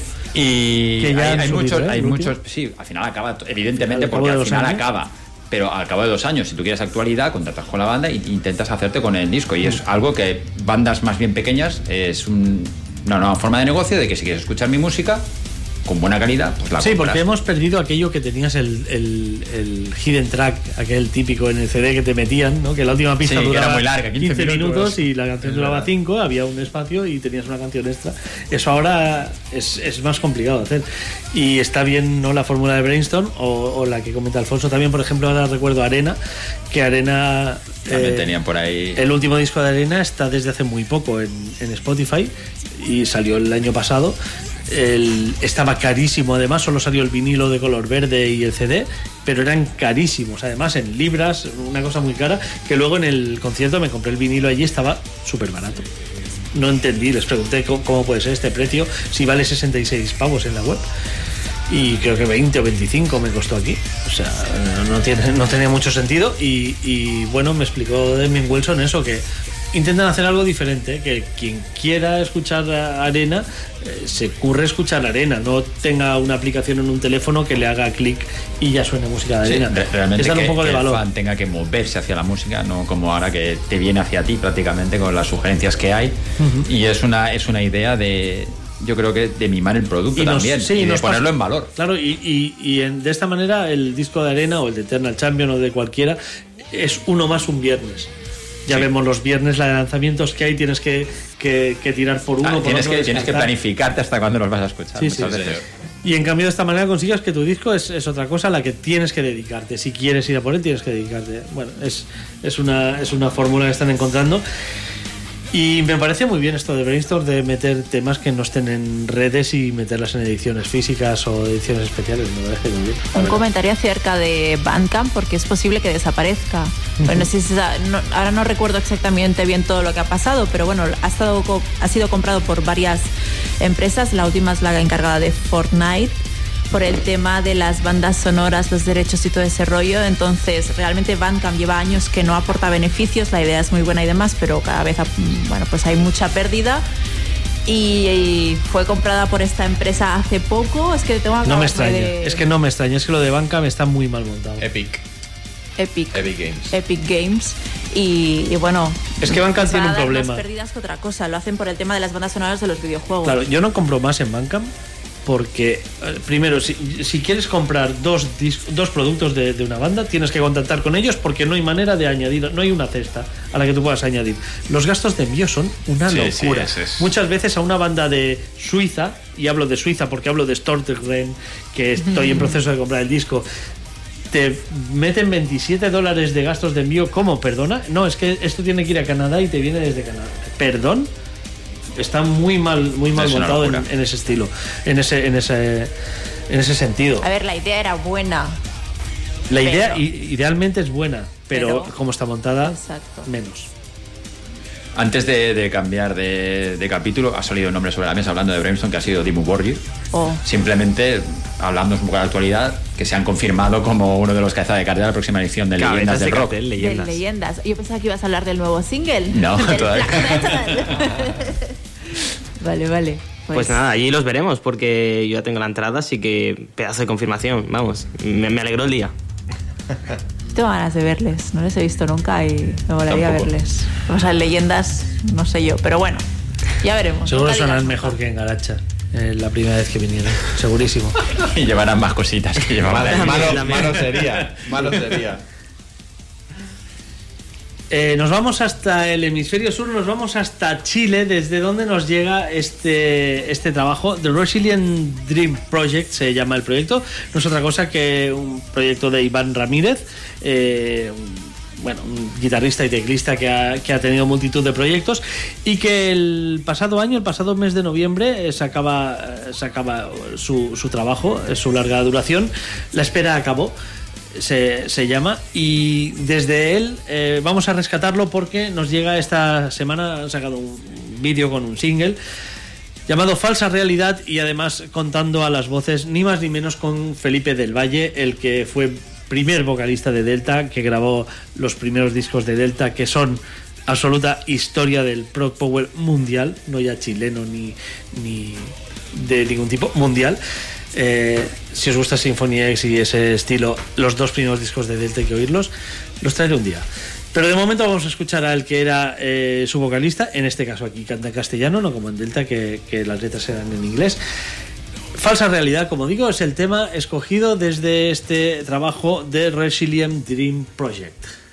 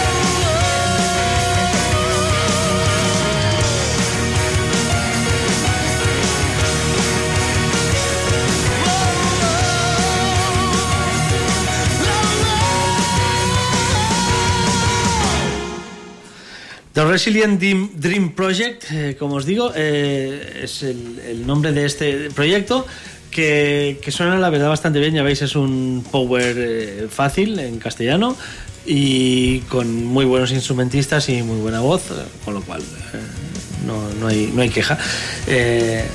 Os lo recomiendo muchísimo. Tienen varias, varios temas, además. Eh, eh, he, estado, he estado chequeando, de hecho, el disco esta semana y, y es un disco que pasa muy fácil y recomendadísimo de Resilient Dream Project desde Chile. Te, te tomo la recomendación, Tony, la verdad. Eh, te lo voy a resumir así sencillo, me ha parecido agradables de escuchar. Así que, bueno, lo, lo tomo nota, tomo nota y los tendré en cuenta. melodías muy chulas. Sí, sí. Ese power metal ¿no? que, que nos que nos gusta. Yo sabía que Dani también iba a Sí, entrar sí, por este evi- estribillo. Evidentemente. Pero, pero Sergi, luego escúchate los dos primeros de Delta. ¿Sí? Sí, sí, no, eso es otro nivel. Eso es otro nivel. Deberes. Muchos deberes. De hecho, lo que hablaba antes de Spotify, uno de los especiales que quería preparar era un top de, de bandas de Prog Power y Delta estaban ahí, por supuesto, entre Symphony X, DGM y, y bestias del y estilo. otras más. Sí, sí. Perfecto, pues. Eh, Bueno, nos- aquí la, la noticia también importante es anotamos especial de Tony. Eh, Ahora lo tienes que hacer, lo has dicho en directo. hay varios, hay varios, hay varios. y hay, pues, hay a otros, hay Hay varios otros dos en marcha. Hay otro, sí, que. sí. Hay uno que está perfiladito y hay otro que llegará. Voy a preguntar por Twitch a ver qué les parece. Hay otro que llegará en breve cuando alcancemos eh, cierta cifra de suscriptores en YouTube, pero ya está todo el equipo trabajando en ello. Así que suscribiros, suscribiros ahora. O casi todo el equipo trabajando en ello. Me parece que voy a tener que tirar de las orejas, pero no pasa nada. Por, una vez Por que- segunda vez esta noche. Exacto, exacto. Culpable. Y cuando nos acercamos a las 11 de la noche, em, tenemos ahora una cuestión importante que abordar, que nos va a comentar Sergi, porque viene con un tema especial además. O primero vamos a ir con Alfonso, ¿no? Como queráis. Pues mientras vamos preparando lo de Sergi, Alfonso, Sí. tírale. Vale, pues vamos a ir, sabéis que cada semana aquí un servidor intenta traeros un clásico o lo que yo considero un clásico. Y esta semana eh, voy a intentar ligarlo con lo que con el asunto que debatíamos la semana pasada, eh, las creaciones con la inteligencia artificial, la perfección que se puede crear, hasta dónde pueden llegar las máquinas. Y yo me uno de, de los valores que yo quería defender era precisamente el sentimiento que, que tiene que, para mí, tiene que transmitir la música. Y entonces, pues he elegido una canción eh, que a mí siempre me ha puesto los pelos de punta desde que la escuché la primera vez y que la escucho hoy en día, más de 30 años después, y la verdad que me sigue emocionando. Vamos a ir con una banda que, continúa hoy en día en activo, una banda británica, una banda que no es de heavy metal como tal, sino podríamos encuadrarla más bien dentro del hard rock, como son Thunder. Es una banda que nació a finales de la década de los 80, como digo, sigue en activo hoy en día. Y me voy a ir hasta su segundo trabajo, que se llama La obra de On Judgment Day, que salía en 1992. Y un fantástico trabajo en el cual eh, la banda pues tenía un fantástico tema que en su época salió como single. Dio muy fuerte en todas las radiofórmulas, incluso aquí en España creo que llegó a sonar en emisoras como los 40 principales.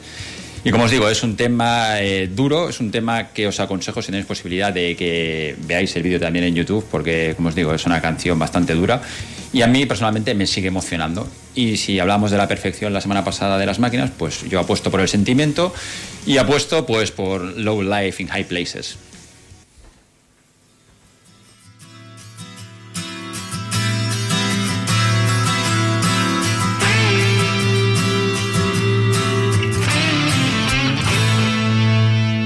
Mama, tell your children not to go down to the city where the desperate people go. And Mama, don't you let them stray. They won't find peace of mind in such a lonely place. Wannabes and losers all trying to get a break. They don't give a damn, they'll do whatever If they climb the ladder, they get to play for higher stakes. That's why there's low life in high places.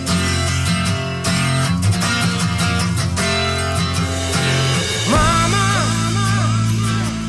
things have changed since you were young. When you scream in the dead of night, now no one ever comes.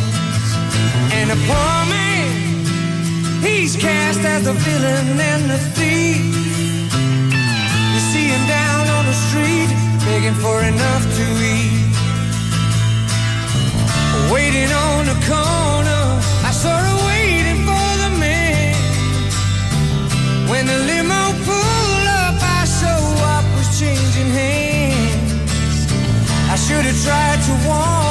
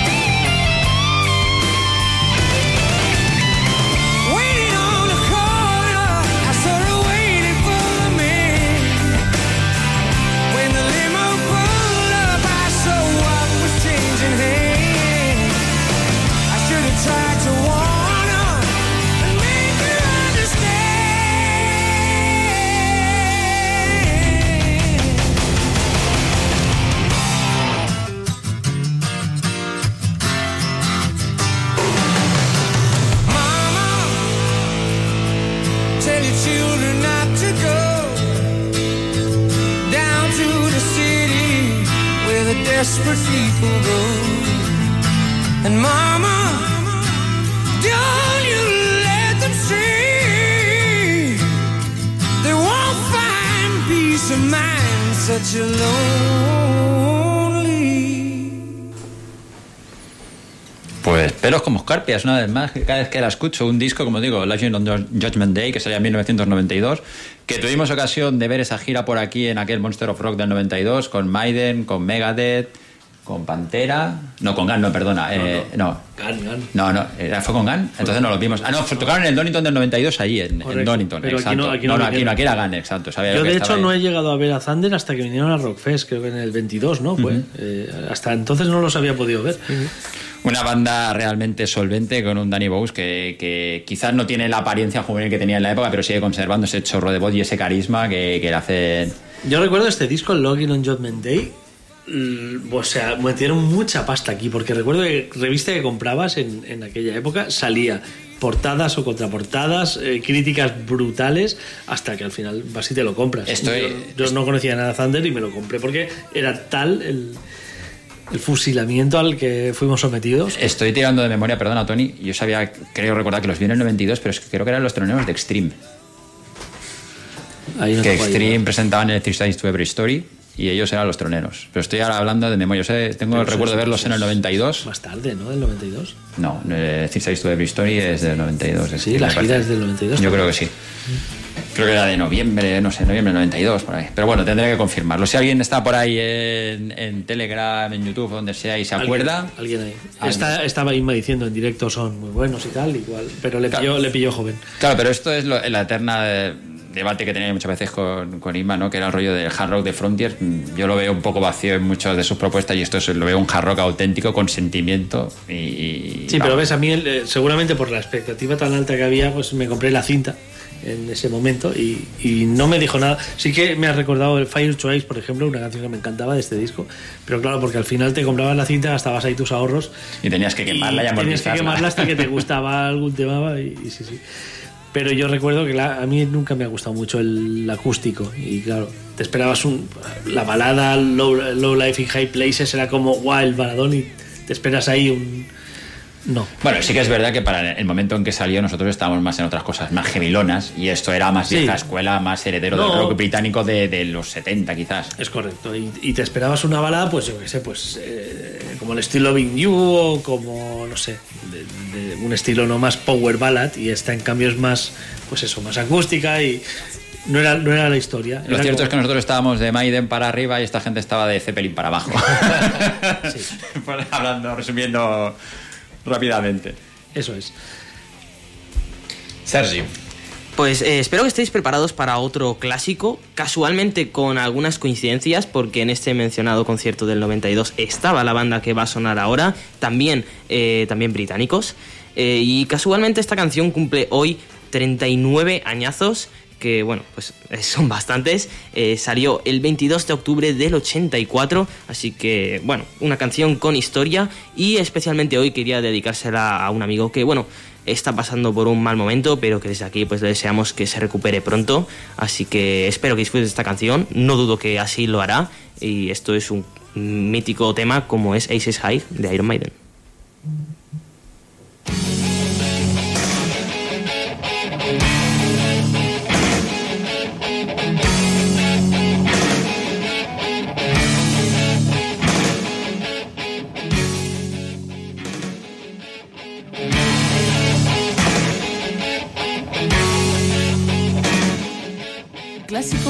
Octavo día.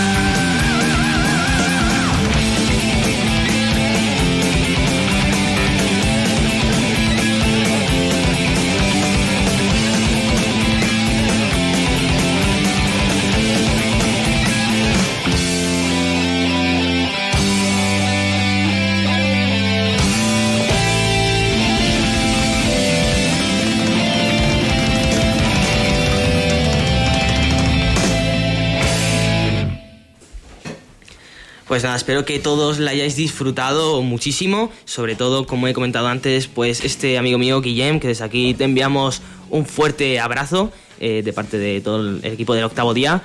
Eh, así que, bueno, espero que, os haya traído buenos recuerdos esta canción, ya sean del 84 cuando salió o de esta pasada gira donde la, pudimos ver, eh, bueno, esta anterior, la, la última, ¿no? La, la de hace un año ya. Eh, donde la actuaban con, un avión sobrevolando el escenario. Eh, bueno, la verdad es que flipando. La verdad es que cuando lo vi no tenía palabras. Una canción que la primera vez que la escuché, evidentemente, me enganchó rápido y me gustó. Y que pese a tenerla muy, muy, muy quemada, eh, me sigue transmitiendo muy buenas sensaciones. Y la verdad es que ese solo cada vez me gusta más. Es algo en lo que no me había fijado al principio, pero que ahora la escucho y digo, wow, bonito solo aquí el que me regala, no, no, no había parado eh, a, a darle esa escucha con atención, pero, pero muy bien, así que poco más que añadir, ¿no, Maiden? Yo no los conocía creo que tienen bastante futuro. El, el metal a día de hoy es insondable y, y para muestra es todo lo que se pincha en el octavo día, pero es poner a Maiden Phoenix High y ya hemos estado Xenia y yo aquí voz en grito. O por ejemplo en los últimos conciertos que ha hecho Maiden en el, en el Olímpico o en, o en el Palau Sant Jordi, en los que ves que va gente, incluso músicos, que hacen hard rock, que hacen greencore, que hacen death metal, que hacen metal progresivo y están todos allí cantando Isis High. Que hacen pop, que no han escuchado nada de metal en su vida, un montón de gente que solo vaya a cantar de Trooper. También. Sí, sí, también. pero ahí está. También los y- hay. Y, y no sé cuántas veces habremos escuchado Isis High. Decenas de miles. Y la pone Sergi y cantamos el estribillo también. Es, es Ahora, fantástico. Una, una pregunta solo. ¿Cuál es el tope máximo de, can- de veces que se puede escuchar una canción hasta aborrecer? Pregunto, ahí lo dejo. Es que depende, depende. Depende, sí. Sí, sí, pero es curioso, ¿eh? Depende porque Juan que nos dice, eh, Ice Sky la puede escuchar muchas veces, nos lo dice en Twitch, eh, pero Two Minutes Midnight me, a- me aburre. O sea, hay Claro. canciones que aborreces antes y hay canciones que no te aburren nunca, no sé. Eh, Yo, yo estoy absolutamente con él porque la de Two Minutes to Midnight nunca me ha acabado de entrar. ¿eh? Bueno, pues es Haters de Dickinson, porque es una canción de Dickinson. No, pero sí, la verdad es que estoy de acuerdo. Two Minutes to Midnight es una canción que, bueno, eh, yo que ya por suerte he podido ver Maiden varias veces y que ya la han tocado en varias ocasiones, se la podrían ya saltar. mm, Que bueno, en esta última ocasión no ha sido así. O sea, no, no la han tocado, pero, pero se la podrían saltar. Para mí, sí, creo que podrían dejar han hueco hecho. para otros Ya lo han hecho, ya lo han hecho. Ya lo han hecho, se lo han saltado, ya está. Es que, es que os quejáis de cosas que ya está. Ya está. No, y, y la verdad que, que sobre el si nos cansamos con las canciones, yo han habido canciones con las que sí que he encontrado este límite y he dicho, bueno, ya igual ya la tengo quemada y con otras no, las he escuchado muchas más veces y aún no, no me he cansado. No podía decirte ahora nombres exactos, pero sí. Con Isis High el límite para mí no existe. No, o por lo menos por ejemplo, no lo, mira, no lo he encontrado sí. todavía. Veremos. Quería, quería hacer eh, un pequeño apunte, si me permitís. Ahora que, bueno, no, no es que sea bien bien del mismo tema, pero ahora con Maiden me he acordado y quería informaros, eh, ya que estuvimos hablando hace dos episodios, y es que Blaze Bailey, el que fue cantante de Iron Maiden, por eso iba a comentar, eh, ya ha anunciado la gira por España, de la que, bueno, ya estábamos ahí esperando, y, y, bueno, es una especial de 30 aniversario de Maiden. Sí que es verdad que me gustaría que no fuese un full set de Maiden, pero 32 o de bueno. 35, da igual. Ya Sí. lo hizo en Rock the Coast. Exactamente. Sí, sí. Con los mismos, con Absolva, que era la banda que le acompañaba. que Siempre no- trae los, estos teloneros en las últimas ocasiones. Bueno, porque son la banda que la acompaña. Sí. O sea, Mm. hacen de telonero y luego es, es su banda. Hacen doblete. Eh, ahora lo está vendiendo como un aniversario eh, X, pero la cuestión es que bueno, pues hay que hay que facturar. Y qué mejor para Blaze Bailey que, que hacerlo con esto, porque si anunciase Blaze Bailey que viene solo tocando temas nuevos Seríamos 18. y viniendo a hacer esto, va a ser un sold out seguro. Pues el 24 de enero en la Wolf. Vamos a ver si es sold out. Apuntar. Con las columnas y todo. Ahí. Y aprovecha, Sergi, y que vayan a tu canal de YouTube a ver la entrevista que le has hecho. Bueno, por supuesto, si, si queréis ahí indagar en, en lo último de Blaze Bailey, en ver qué tal está, que ya os aseguro que, que le vi muy bien de salud y de forma, con ganas sobre todo, pues podéis pasaros por, por mi canal, que allí hice una entrevista con este fenómeno. Así que, bueno, pues por si queréis disfrutar de un ratito. Pues despedimos a Alfonso y a Sergi y, y queda la hora que Bueno, Lester está esperando. Alfonso tiene un caramelo aún ¿Ah, antes sí? de irse, ¿eh? Es un caramelo yo. ¿No? Ahora me he quedado. No, no, no, no sé si vas a Lo has quemado ya, creo. Ah, ya lo has quemado todo. Claro, era, el clásico, Tony. Ya, ya, ya. Vale, vale. Bueno, simplemente me despido y hasta la semana que viene. Pues Bien. Lo, lo mismo digo, eh, la semana que viene más. Pues nada, dicho esto, vamos a aprovechar que, eh, nos quedamos en un espacio, un momento más íntimo, trío, eh, para hacer ese repaso de la super agenda de conciertos.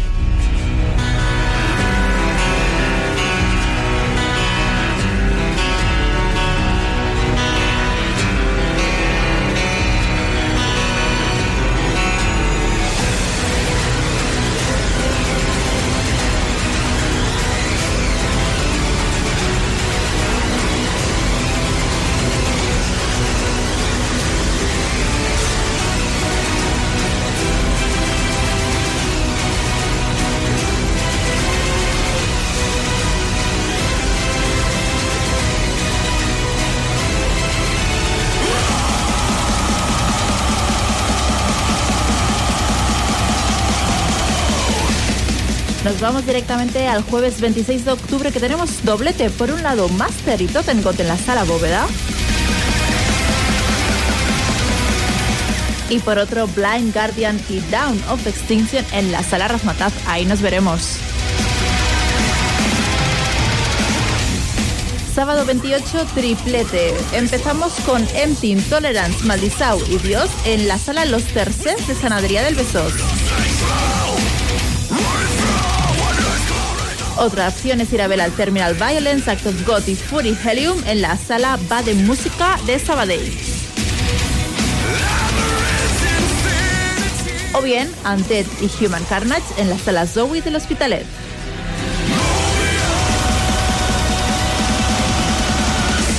Jueves 2 de noviembre, Conan y Lord Dying en la sala Salamandra. Viernes 3, Wake y, y Teule en la sala Zoe del Hospitalet.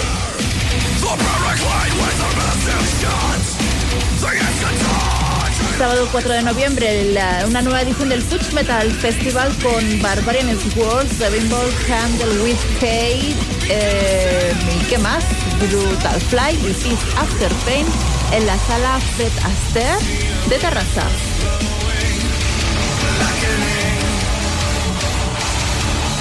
O bien Dunedain y Argion en la sala bóveda. Domingo 5 de noviembre, Galactic Empire en la sala bóveda.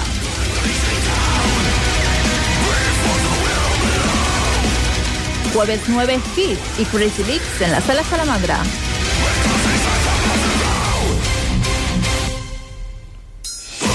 Atención al viernes 10 de noviembre, por un lado, el 30 aniversario de Between the Frost en las salas Cero de Tarragona. Otra opción es ir a ver a Fear Factory, Butcher Babies, Ignea y Ghost of Atlantis en la sala Rasmataz 2. O bien ir a ver a Anteros y Letons du Loop en la sala Salamandra.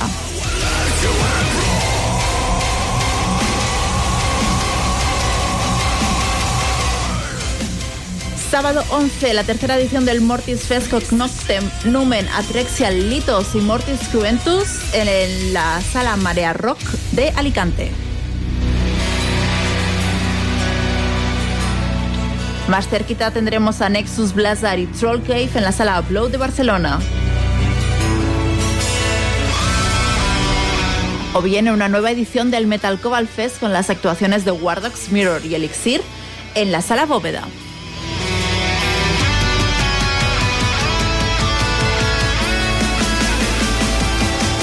Y finalizamos la agenda de conciertos destacando la, el Dark Air Guns Fest, un festival que tendrá lugar el sábado 25 de noviembre en la sala La Capsa del Prata y Llobregat con las actuaciones de Adrift, Moonloop, Vidres de la Sang, Barbarian Prophecies, Jade y Litos. Tan solo 15 euros con 50 la entrada anticipada.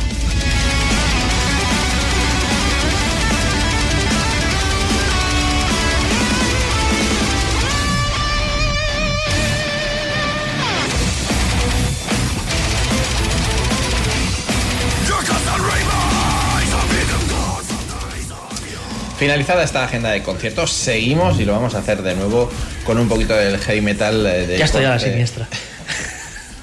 ¿Cómo que Correcto. heavy metal? Lester está esperando la hora oscura como la semana pasada. Eso des- yo, yo después es que tenía esto. Tengo que cumplir una promesa. Vale. Básicamente porque he dicho que iba a sonar otra vez Herbie Langans. Venga. Y me tengo que ir a Suecia para que suene Herbie Langans con un poquito de heavy metal del corte más clásico. suecos. Putos suecos, exactamente.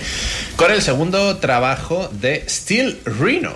Que no puede haber nada más eh, heavy metalero. Debutaron con un álbum homónimo en 2021 y acaban de editar hace apenas Y además 48 dijiste horas. exactamente lo mismo. ¿Sí? Sobre el nombre. Sí, lo recuerdo Maldita sea. perfectamente. Pues, y ahora Steel iba Rhino, no puede ah. haber un nombre más heavy. Pues ahora iba a decir, Sí, sí. no recuerdo haber escuchado de- su disco debut. Sí, sí, sí. Más que los ingleses, estos Steel. Toledo Steel. Toledo, Toledo Steel. Steel. eso- Toledo Steel es, super es heavy. su puntito, tiene su Sí, puntito. sí, pero eh, los escuchaste porque est- esto nos llega a promo a muerte, a full al octavo día. Ya nos llegó el primero, eh, mucho mail, mucho Pues- mail viniendo de Steel Rhino. Pues poco memorable el debut de Steel Rhino porque no Bueno, recuerdo estaba haberlo bien, escuchado. bien. Y supongo entonces que en una línea bastante continuista llega, perdón, In Rhino We que Trust. el- la labor de investigación ha sido ardua. Sí, sí. Acaba de salir. In Rhino We Trust.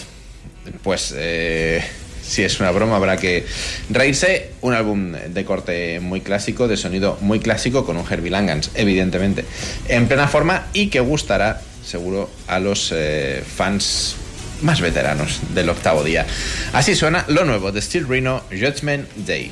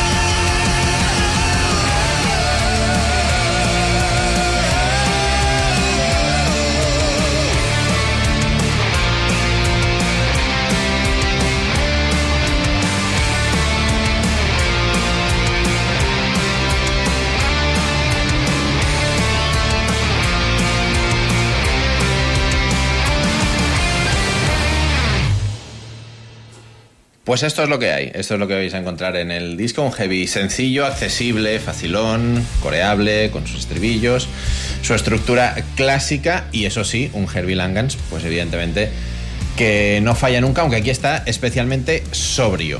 Creo que no le, han acabado de apretar todo lo que podrían. Tampoco me extraña porque ha grabado 45 discos en lo que llevamos de año. Así que...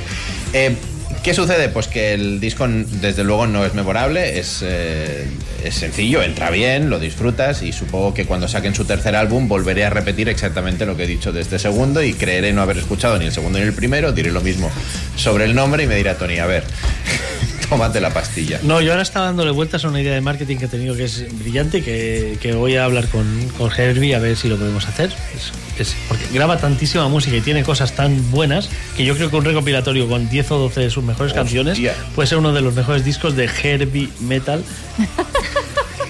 ya es que hasta el nombre. Qué malo, sí, sí, sí. Hasta el nombre es metal. Te comenta Lester Gas por Twitch Sí. que dejes ya las clases de spinning, Dani, último aviso. Tiene toda la razón. Y nos amenaza a Xenia y a mí que, que quiere hora oscura. Eh, Lester, no vamos a poder llegar a Stort, a, a Stort Rain. Eh, No, spoiler, este spoiler top del mes. eh, Vídeo que yo ya he enviado Sí, cierto. antes del día 20. Que es en plan, te da tiempo a hacer otro top del mes de. Es mi disco número uno destacado del mes, o sea que mm, es que no, no, no vamos a poder saltar por ahí. Pero vamos a intentar acercarnos. Correcto. Xenia, tira. Yo ahora Dale. no voy a contentar a Lester, luego sí que voy a poner una cosa oscurita, pero Sí, como. Lo vas a contentar. Hombre, con lo que vas a poner ahora lo contentas seguro. No, no. No en ese aspecto, pero sí en otro. Claro. Yo creo que no, pero bueno, luego sí que tengo una cosa oscurita que quizá le puede gustar. Es muy bardo Lester también. Bueno, vamos a ver. Como, como está soltando Tony aquí las pistas, eh, y como hemos dicho ahora en la agenda de conciertos, el próximo jueves van a estar actuando en Barcelona Blind Guardian. Yo nunca les he visto, lo tengo que confesar. Estoy tan oscura y tan underground que ir a un concierto mainstream me cuesta mucho. Entonces, como nunca les he visto y el último disco me gustó muchísimo. Tan oscura, tan underground y tan joven, porque cuando yo los vi por primera vez no eran nada mainstream. Exacto, sí, me era faltaba él y tan joven, pero como ya no me siento tan joven, pues por eso no lo digo. Pero bueno, la cuestión es que The God Machine, su último lanzamiento, me gustó muchísimo y ahora que vienen de gira, pese a que el precio me molesta un poquillo, es en plan, venga, Xenia, voy a ir a verles porque sí, van a tocar solo tres canciones del último disco, el resto van a ser las canciones de toda la vida de Blind Guardian, que entiendo que los que les habéis visto en más de una ocasión estaréis cansados de verlas, pero bueno, parece que siguen teniendo tirón. Y, y, por supuesto van a ver los clásicos de Valhalla, Nightfall, el Mirror Mirror, el Sacred Wars. Bueno, Vais a cantar de Bar Song todos juntos, a coro, eso, Sí. es muy bonito. Bueno, sacaremos el móvil con la Lo es, lo linterna es, lo Y, y estas cosas.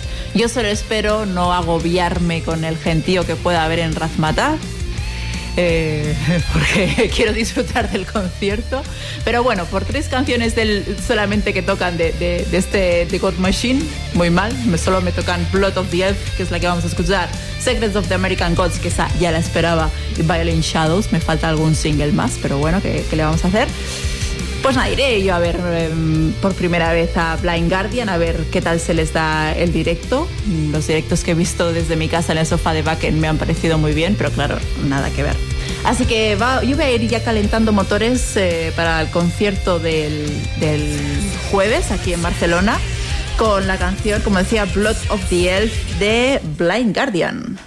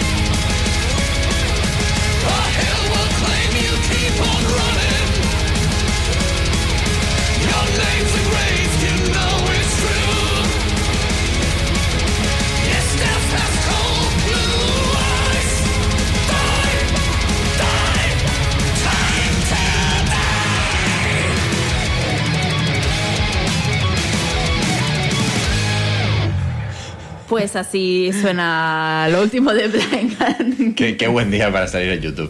No, mi cámara no, No, no funciona. estaba pinchada, No se no ha visto pinchada. cómo casi me caigo de la silla.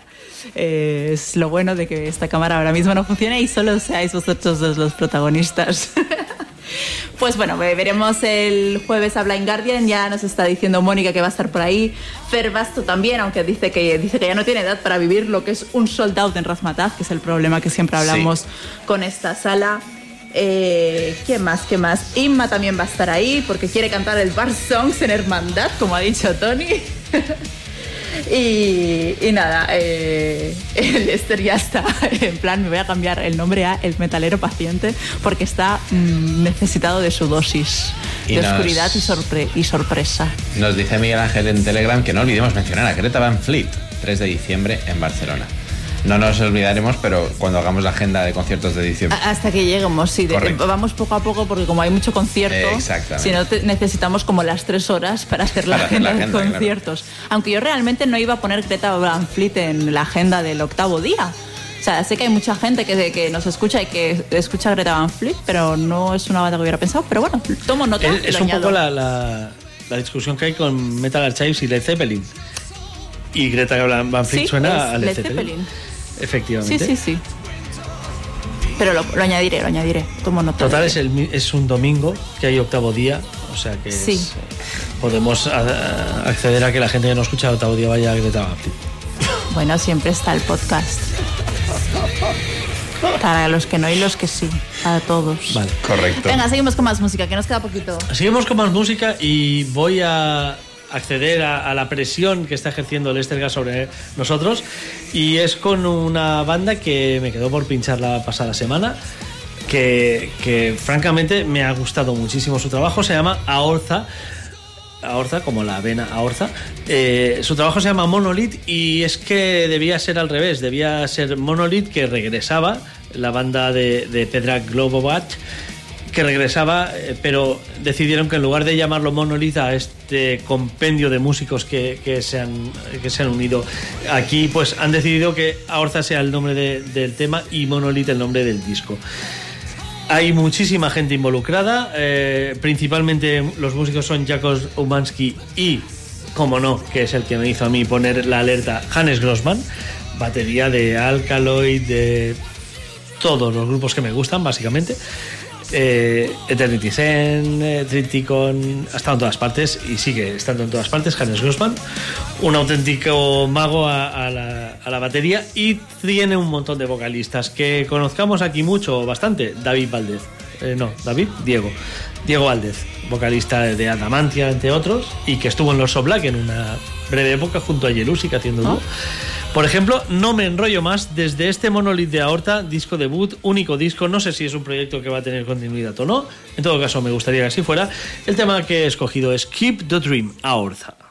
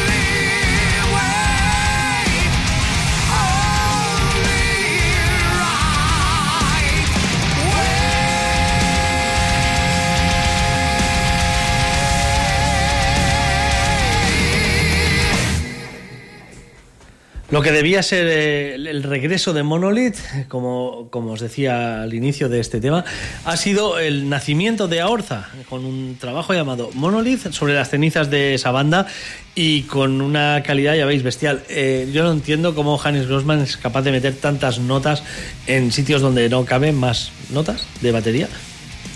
Tantos ruidos, hace ruidos por todas partes ese hombre. No sé, acaba de salir el disco de Alcaloid hace un mes y es una locura. Eh, En este trabajo también hace un, trabajo inmenso. Me encanta la voz de Diego Valdés en este registro más, eh, más agresivo, seguramente. Es un, es un disco que en principio, eh, bueno, cabalgaría sobre el thrash y estilos más extremos, pero es verdad que se va mucho hacia, hacia el heavy, hacia sonidos no tan extremos y sí más épicos, quizá en muchas partes. Bueno, un disco muy disfrutable de, de inicio a fin y además uno de esos discos que crecen, que, no, que a la primera escucha no, no te quedas con todo y que da gusto volver sobre él. Aorza Monolith. Yo voy a indagar más en esto porque alguna vez lo hemos hablado, el tipo de heavy power o cosas luminosas que me gustan a mí son estas más de este, de este rollete. Así que tomo nota para, Sí, para hacer eh, mira, deberes. mira, precisamente sí que tiene algún algún toque en algún tema. Me ha recordado Immortal Guardian, que sé que es un grupo que te gusta mucho y que tira por ahí. Y sí que es verdad que tienes ciertas similitudes en algunos temas. es Sí, verdad. sí, sí, sí, sí. Sin llegar a ser aquello, sin aquellos teclados que tienen No, los aquí americanos. es otra cosa distinta, pero, pero te puedo sí, recordar. sí, es el estilo. sí, sí, sí. Pues nada, yo voy a intentar eh, no estar a la altura, como decíamos antes, de Sorteren porque es absolutamente imposible. Pero Igualmente sí- Lester creo que se ha quedado medio tranquilo, ¿eh? Está diciendo que se ha bajado ya de la elíptica, así que estará medio Bueno, tranquilo. De todas maneras, me voy a tirar un triple de medio campo, a ver si entra para Lester y para los fans del Panda. Y lo voy a hacer con una banda también japonesa que se sale bastante del registro habitual que traigo en, en ese sentido. Una banda que tiene solo un trabajo del año 2022. La banda se llama Diabolos. El disco se llama La Porte de l'Enfer.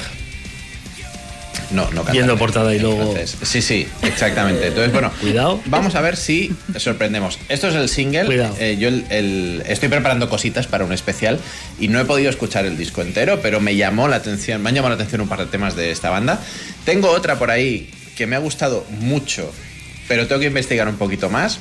Esa Ah, cara es de os voy a. La, ban- la banda se llama Diablo, se- o sea, el logo es de tal manera que tienen que poner Diabolos debajo para que sepas que se llama Diablo. Correcto. O sea, estamos hablando de ese tipo de logos. Exacto. Y, la, y la- los colores que hay en la portada son dos, el blanco y el negro. Empezamos bien, empezamos bien. Tengo otra banda por ahí que se llama Zui Moskva, que tengo que investigar un poquito más, aunque... Letras germánicas, Por eh, lo que... Exacto. Podríamos estar en Noruega en 1993 y Tranquilamente. hablar de una demo. Tranquilamente. No espero otra cosa, Ahora, de hecho. ahora lo veréis. La otra banda de la que tengo que investigar, aunque pa- parece que no, eh, tengo dudas porque hacen una temática bélica, pero parece que en el buen sentido, porque ya sabéis que lo de pedir taxis aquí se lleva mucho, pero si te buscas bandas japonesas, eh, en fin, hay que rebuscar mucho también. Pero bueno, con Diablos parece que podemos estar tranquilos. Vamos a ver si pasa el filtro de nuestros queridos seguidores Panda. Este Infernal de Diablos.「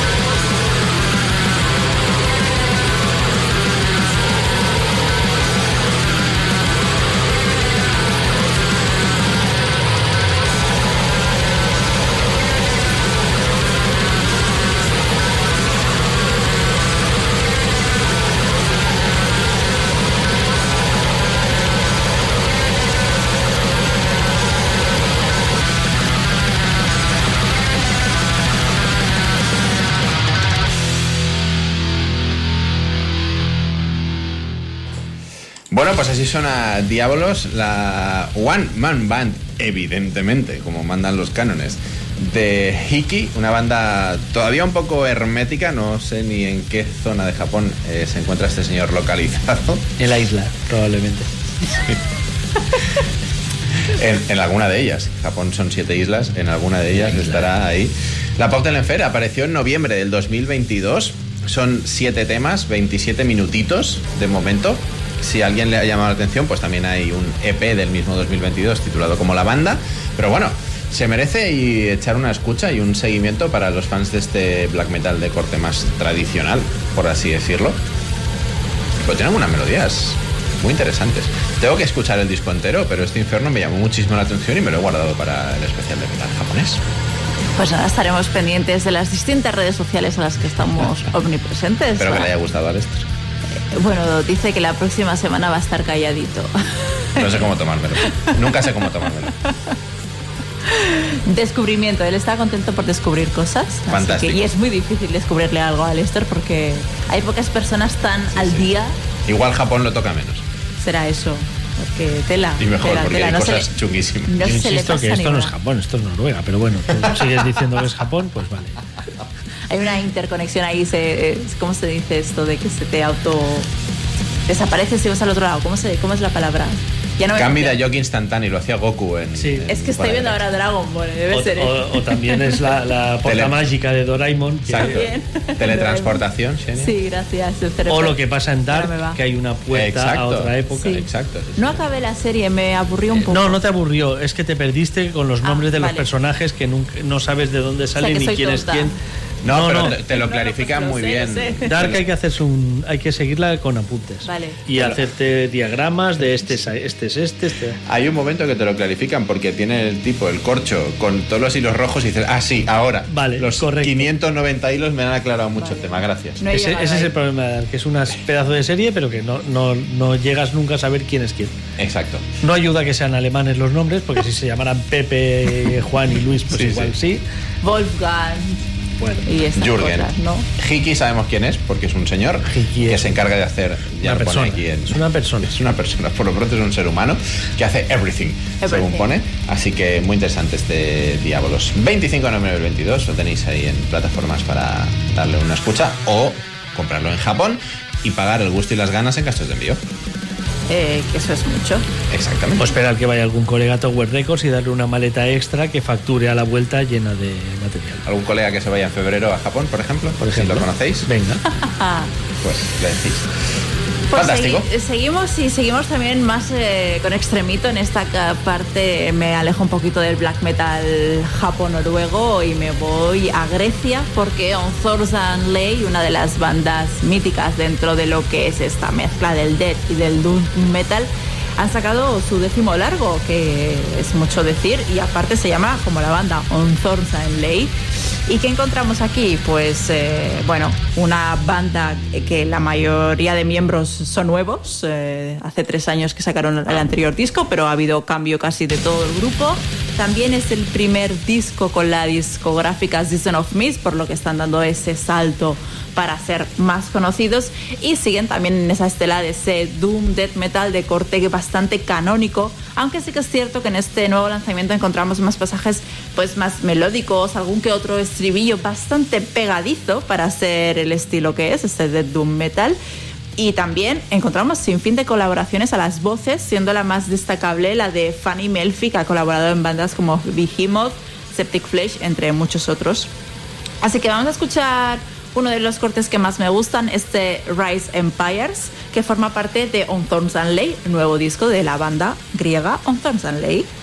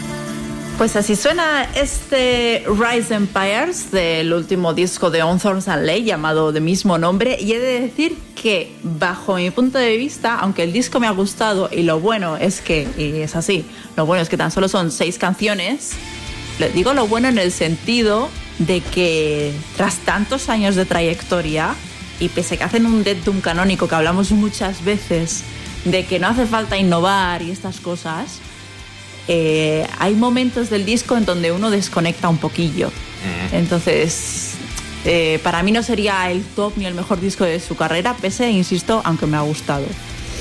Y, y bueno, para mí faltaría algún cambio, así, alguna cosa que te llama la atención para mantener en vilo durante la escucha. Lo que me está asustando es que a Inma le gusta esto.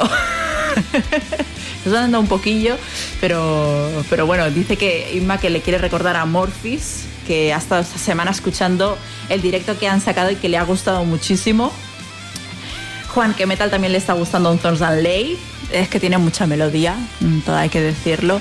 Y Lester dice que le ha gustado el disco, aunque tal vez lo encuentra demasiado perfecto en absolutamente todo, por lo que le hace perder la concentración.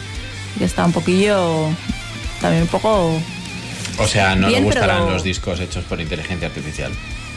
Depende, la inteligencia, si bebe de, influencias que son malas, serán malos discos. Malas de influencias en, en cuanto a calidad, ¿eh? Es que yo estaba en el otro eh, lado en casa, claro, y yo sabéis que yo trabajo en una asesoría jurídica. Por tanto, la inteligencia, en encima en una universidad pionera y que incluye la inteligencia artificial, con todo el vacío legal que hay. Entonces, mi día a día es en plan, Estaba en casa y en plan, no, necesito estar presente para decirles que esto legalmente no va así. Haber estado. Y eso que hay mucho vacío legal. Pero bueno, el debate estuvo muy bien, chicos. Vamos a ir Te ofrecí, te ofrecí Lo sé, y te dije, tú tira para adelante. posponerlo hasta que Lo sé, estuvieras. lo sé. O sea que Lo sé, la culpa es mía, Tony. no, no, no, si no se trata de culpa. No, no, no hay que echar culpas. Así desde casa os controlaba ahí. ¡Ah! Exacto. ¿Sabes? Ah, dale metal. Lo que no se puede posponer más Es el metal. es el metal y sobre todo el power metal italiano. Nos vamos hasta Casie, que está en Treviso, esto es en la Veneto, Italia, para escuchar el segundo larga duración de Valentino Francavilla, que no es otro que el guitarrista de White Skull, un señor al que fui a Eh, ver a ¿quién Italia. igual? Eh, no precisamente a White Skull, pero ya estaba, ya estaba allí, los vi también. Ha editado su segundo trabajo este pasado viernes llamado Midnight Dreams. Eh, al igual que Hiki, aunque practicando un estilo muy diferente, también hace todos los instrumentos y voz. Eh, francamente me sorprende que Valentino tenga una voz tan brutal porque siendo la guitarra su instrumento principal y el que parece que va a ser un disco de un de guitarrista, la- casi la voz es de lo que más destaca. Bestial. Tratamientos de coros muy ochenteros, composiciones eh, que van desde el hard and heavy hasta el heavy power y un disco bastante interesante, muy fácil de consumo rápido y agradable y que, bueno, a mí me ha llamado bastante la atención, así que en lugar de pincharlo yo, como Dani también lo tenía ahí en... Es un, es un pinchaje conjunto. Exacto. Entre Dani y yo. Porque, porque además, como ha dicho Tony antes, lo que Italia te da, Italia te lo quita. Nos ha quitado a Derdian. Eh, un minuto de silencio, pero nos ha dado Valentino Francavila. Witch's Tree. Así suena lo nuevo de este señor que podría haber salido en la última temporada de Stranger Things.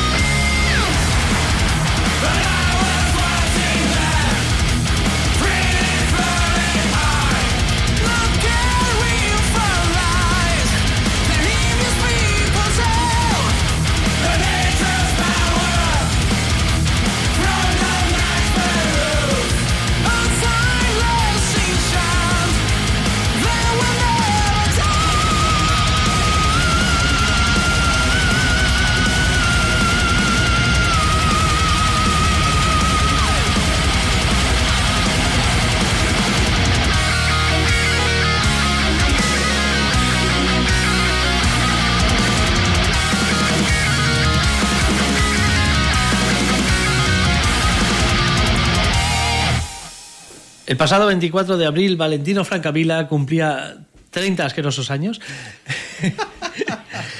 Guitarrista de White School y de Tomorrow's eh, Outlook. Eh, un auténtico crack a la guitarra, pero ya habéis visto también ese grito eh, final. Bueno, la voz, eh, tiene una voz magnífica, me gusta mucho el timbre de voz de, de Valentino y casi destaca más la labor vocal que la guitarrística en este, en este trabajo, que la verdad es que está muy bien a nivel guitarrístico. Y encima es guapo y tiene pelazo. Oh, lo tiene todo. Terrible, Lo terrible, tiene todo, qué terrible. Terrible. Eh, chicos, vamos a tener que ir despidiéndonos eh, con este tema RAL porque llegamos a las 12 en punto y el Sí, directo es lo que manda. Y el domingo que viene más. Por supuesto, aquí Aparte, estaremos. Nos despedimos por todo lo alto. O sea, Sí, Exacto. italiano, power metal, guapo, lo tiene todo. La banda lo tiene todo. ¿Qué más quieres? Eh, los que nos veamos por esos conciertos y los que no, el domingo que viene, más eh, metal en el octavo día. Gracias por escucharnos y hasta la próxima semana. Adiós. Adiós.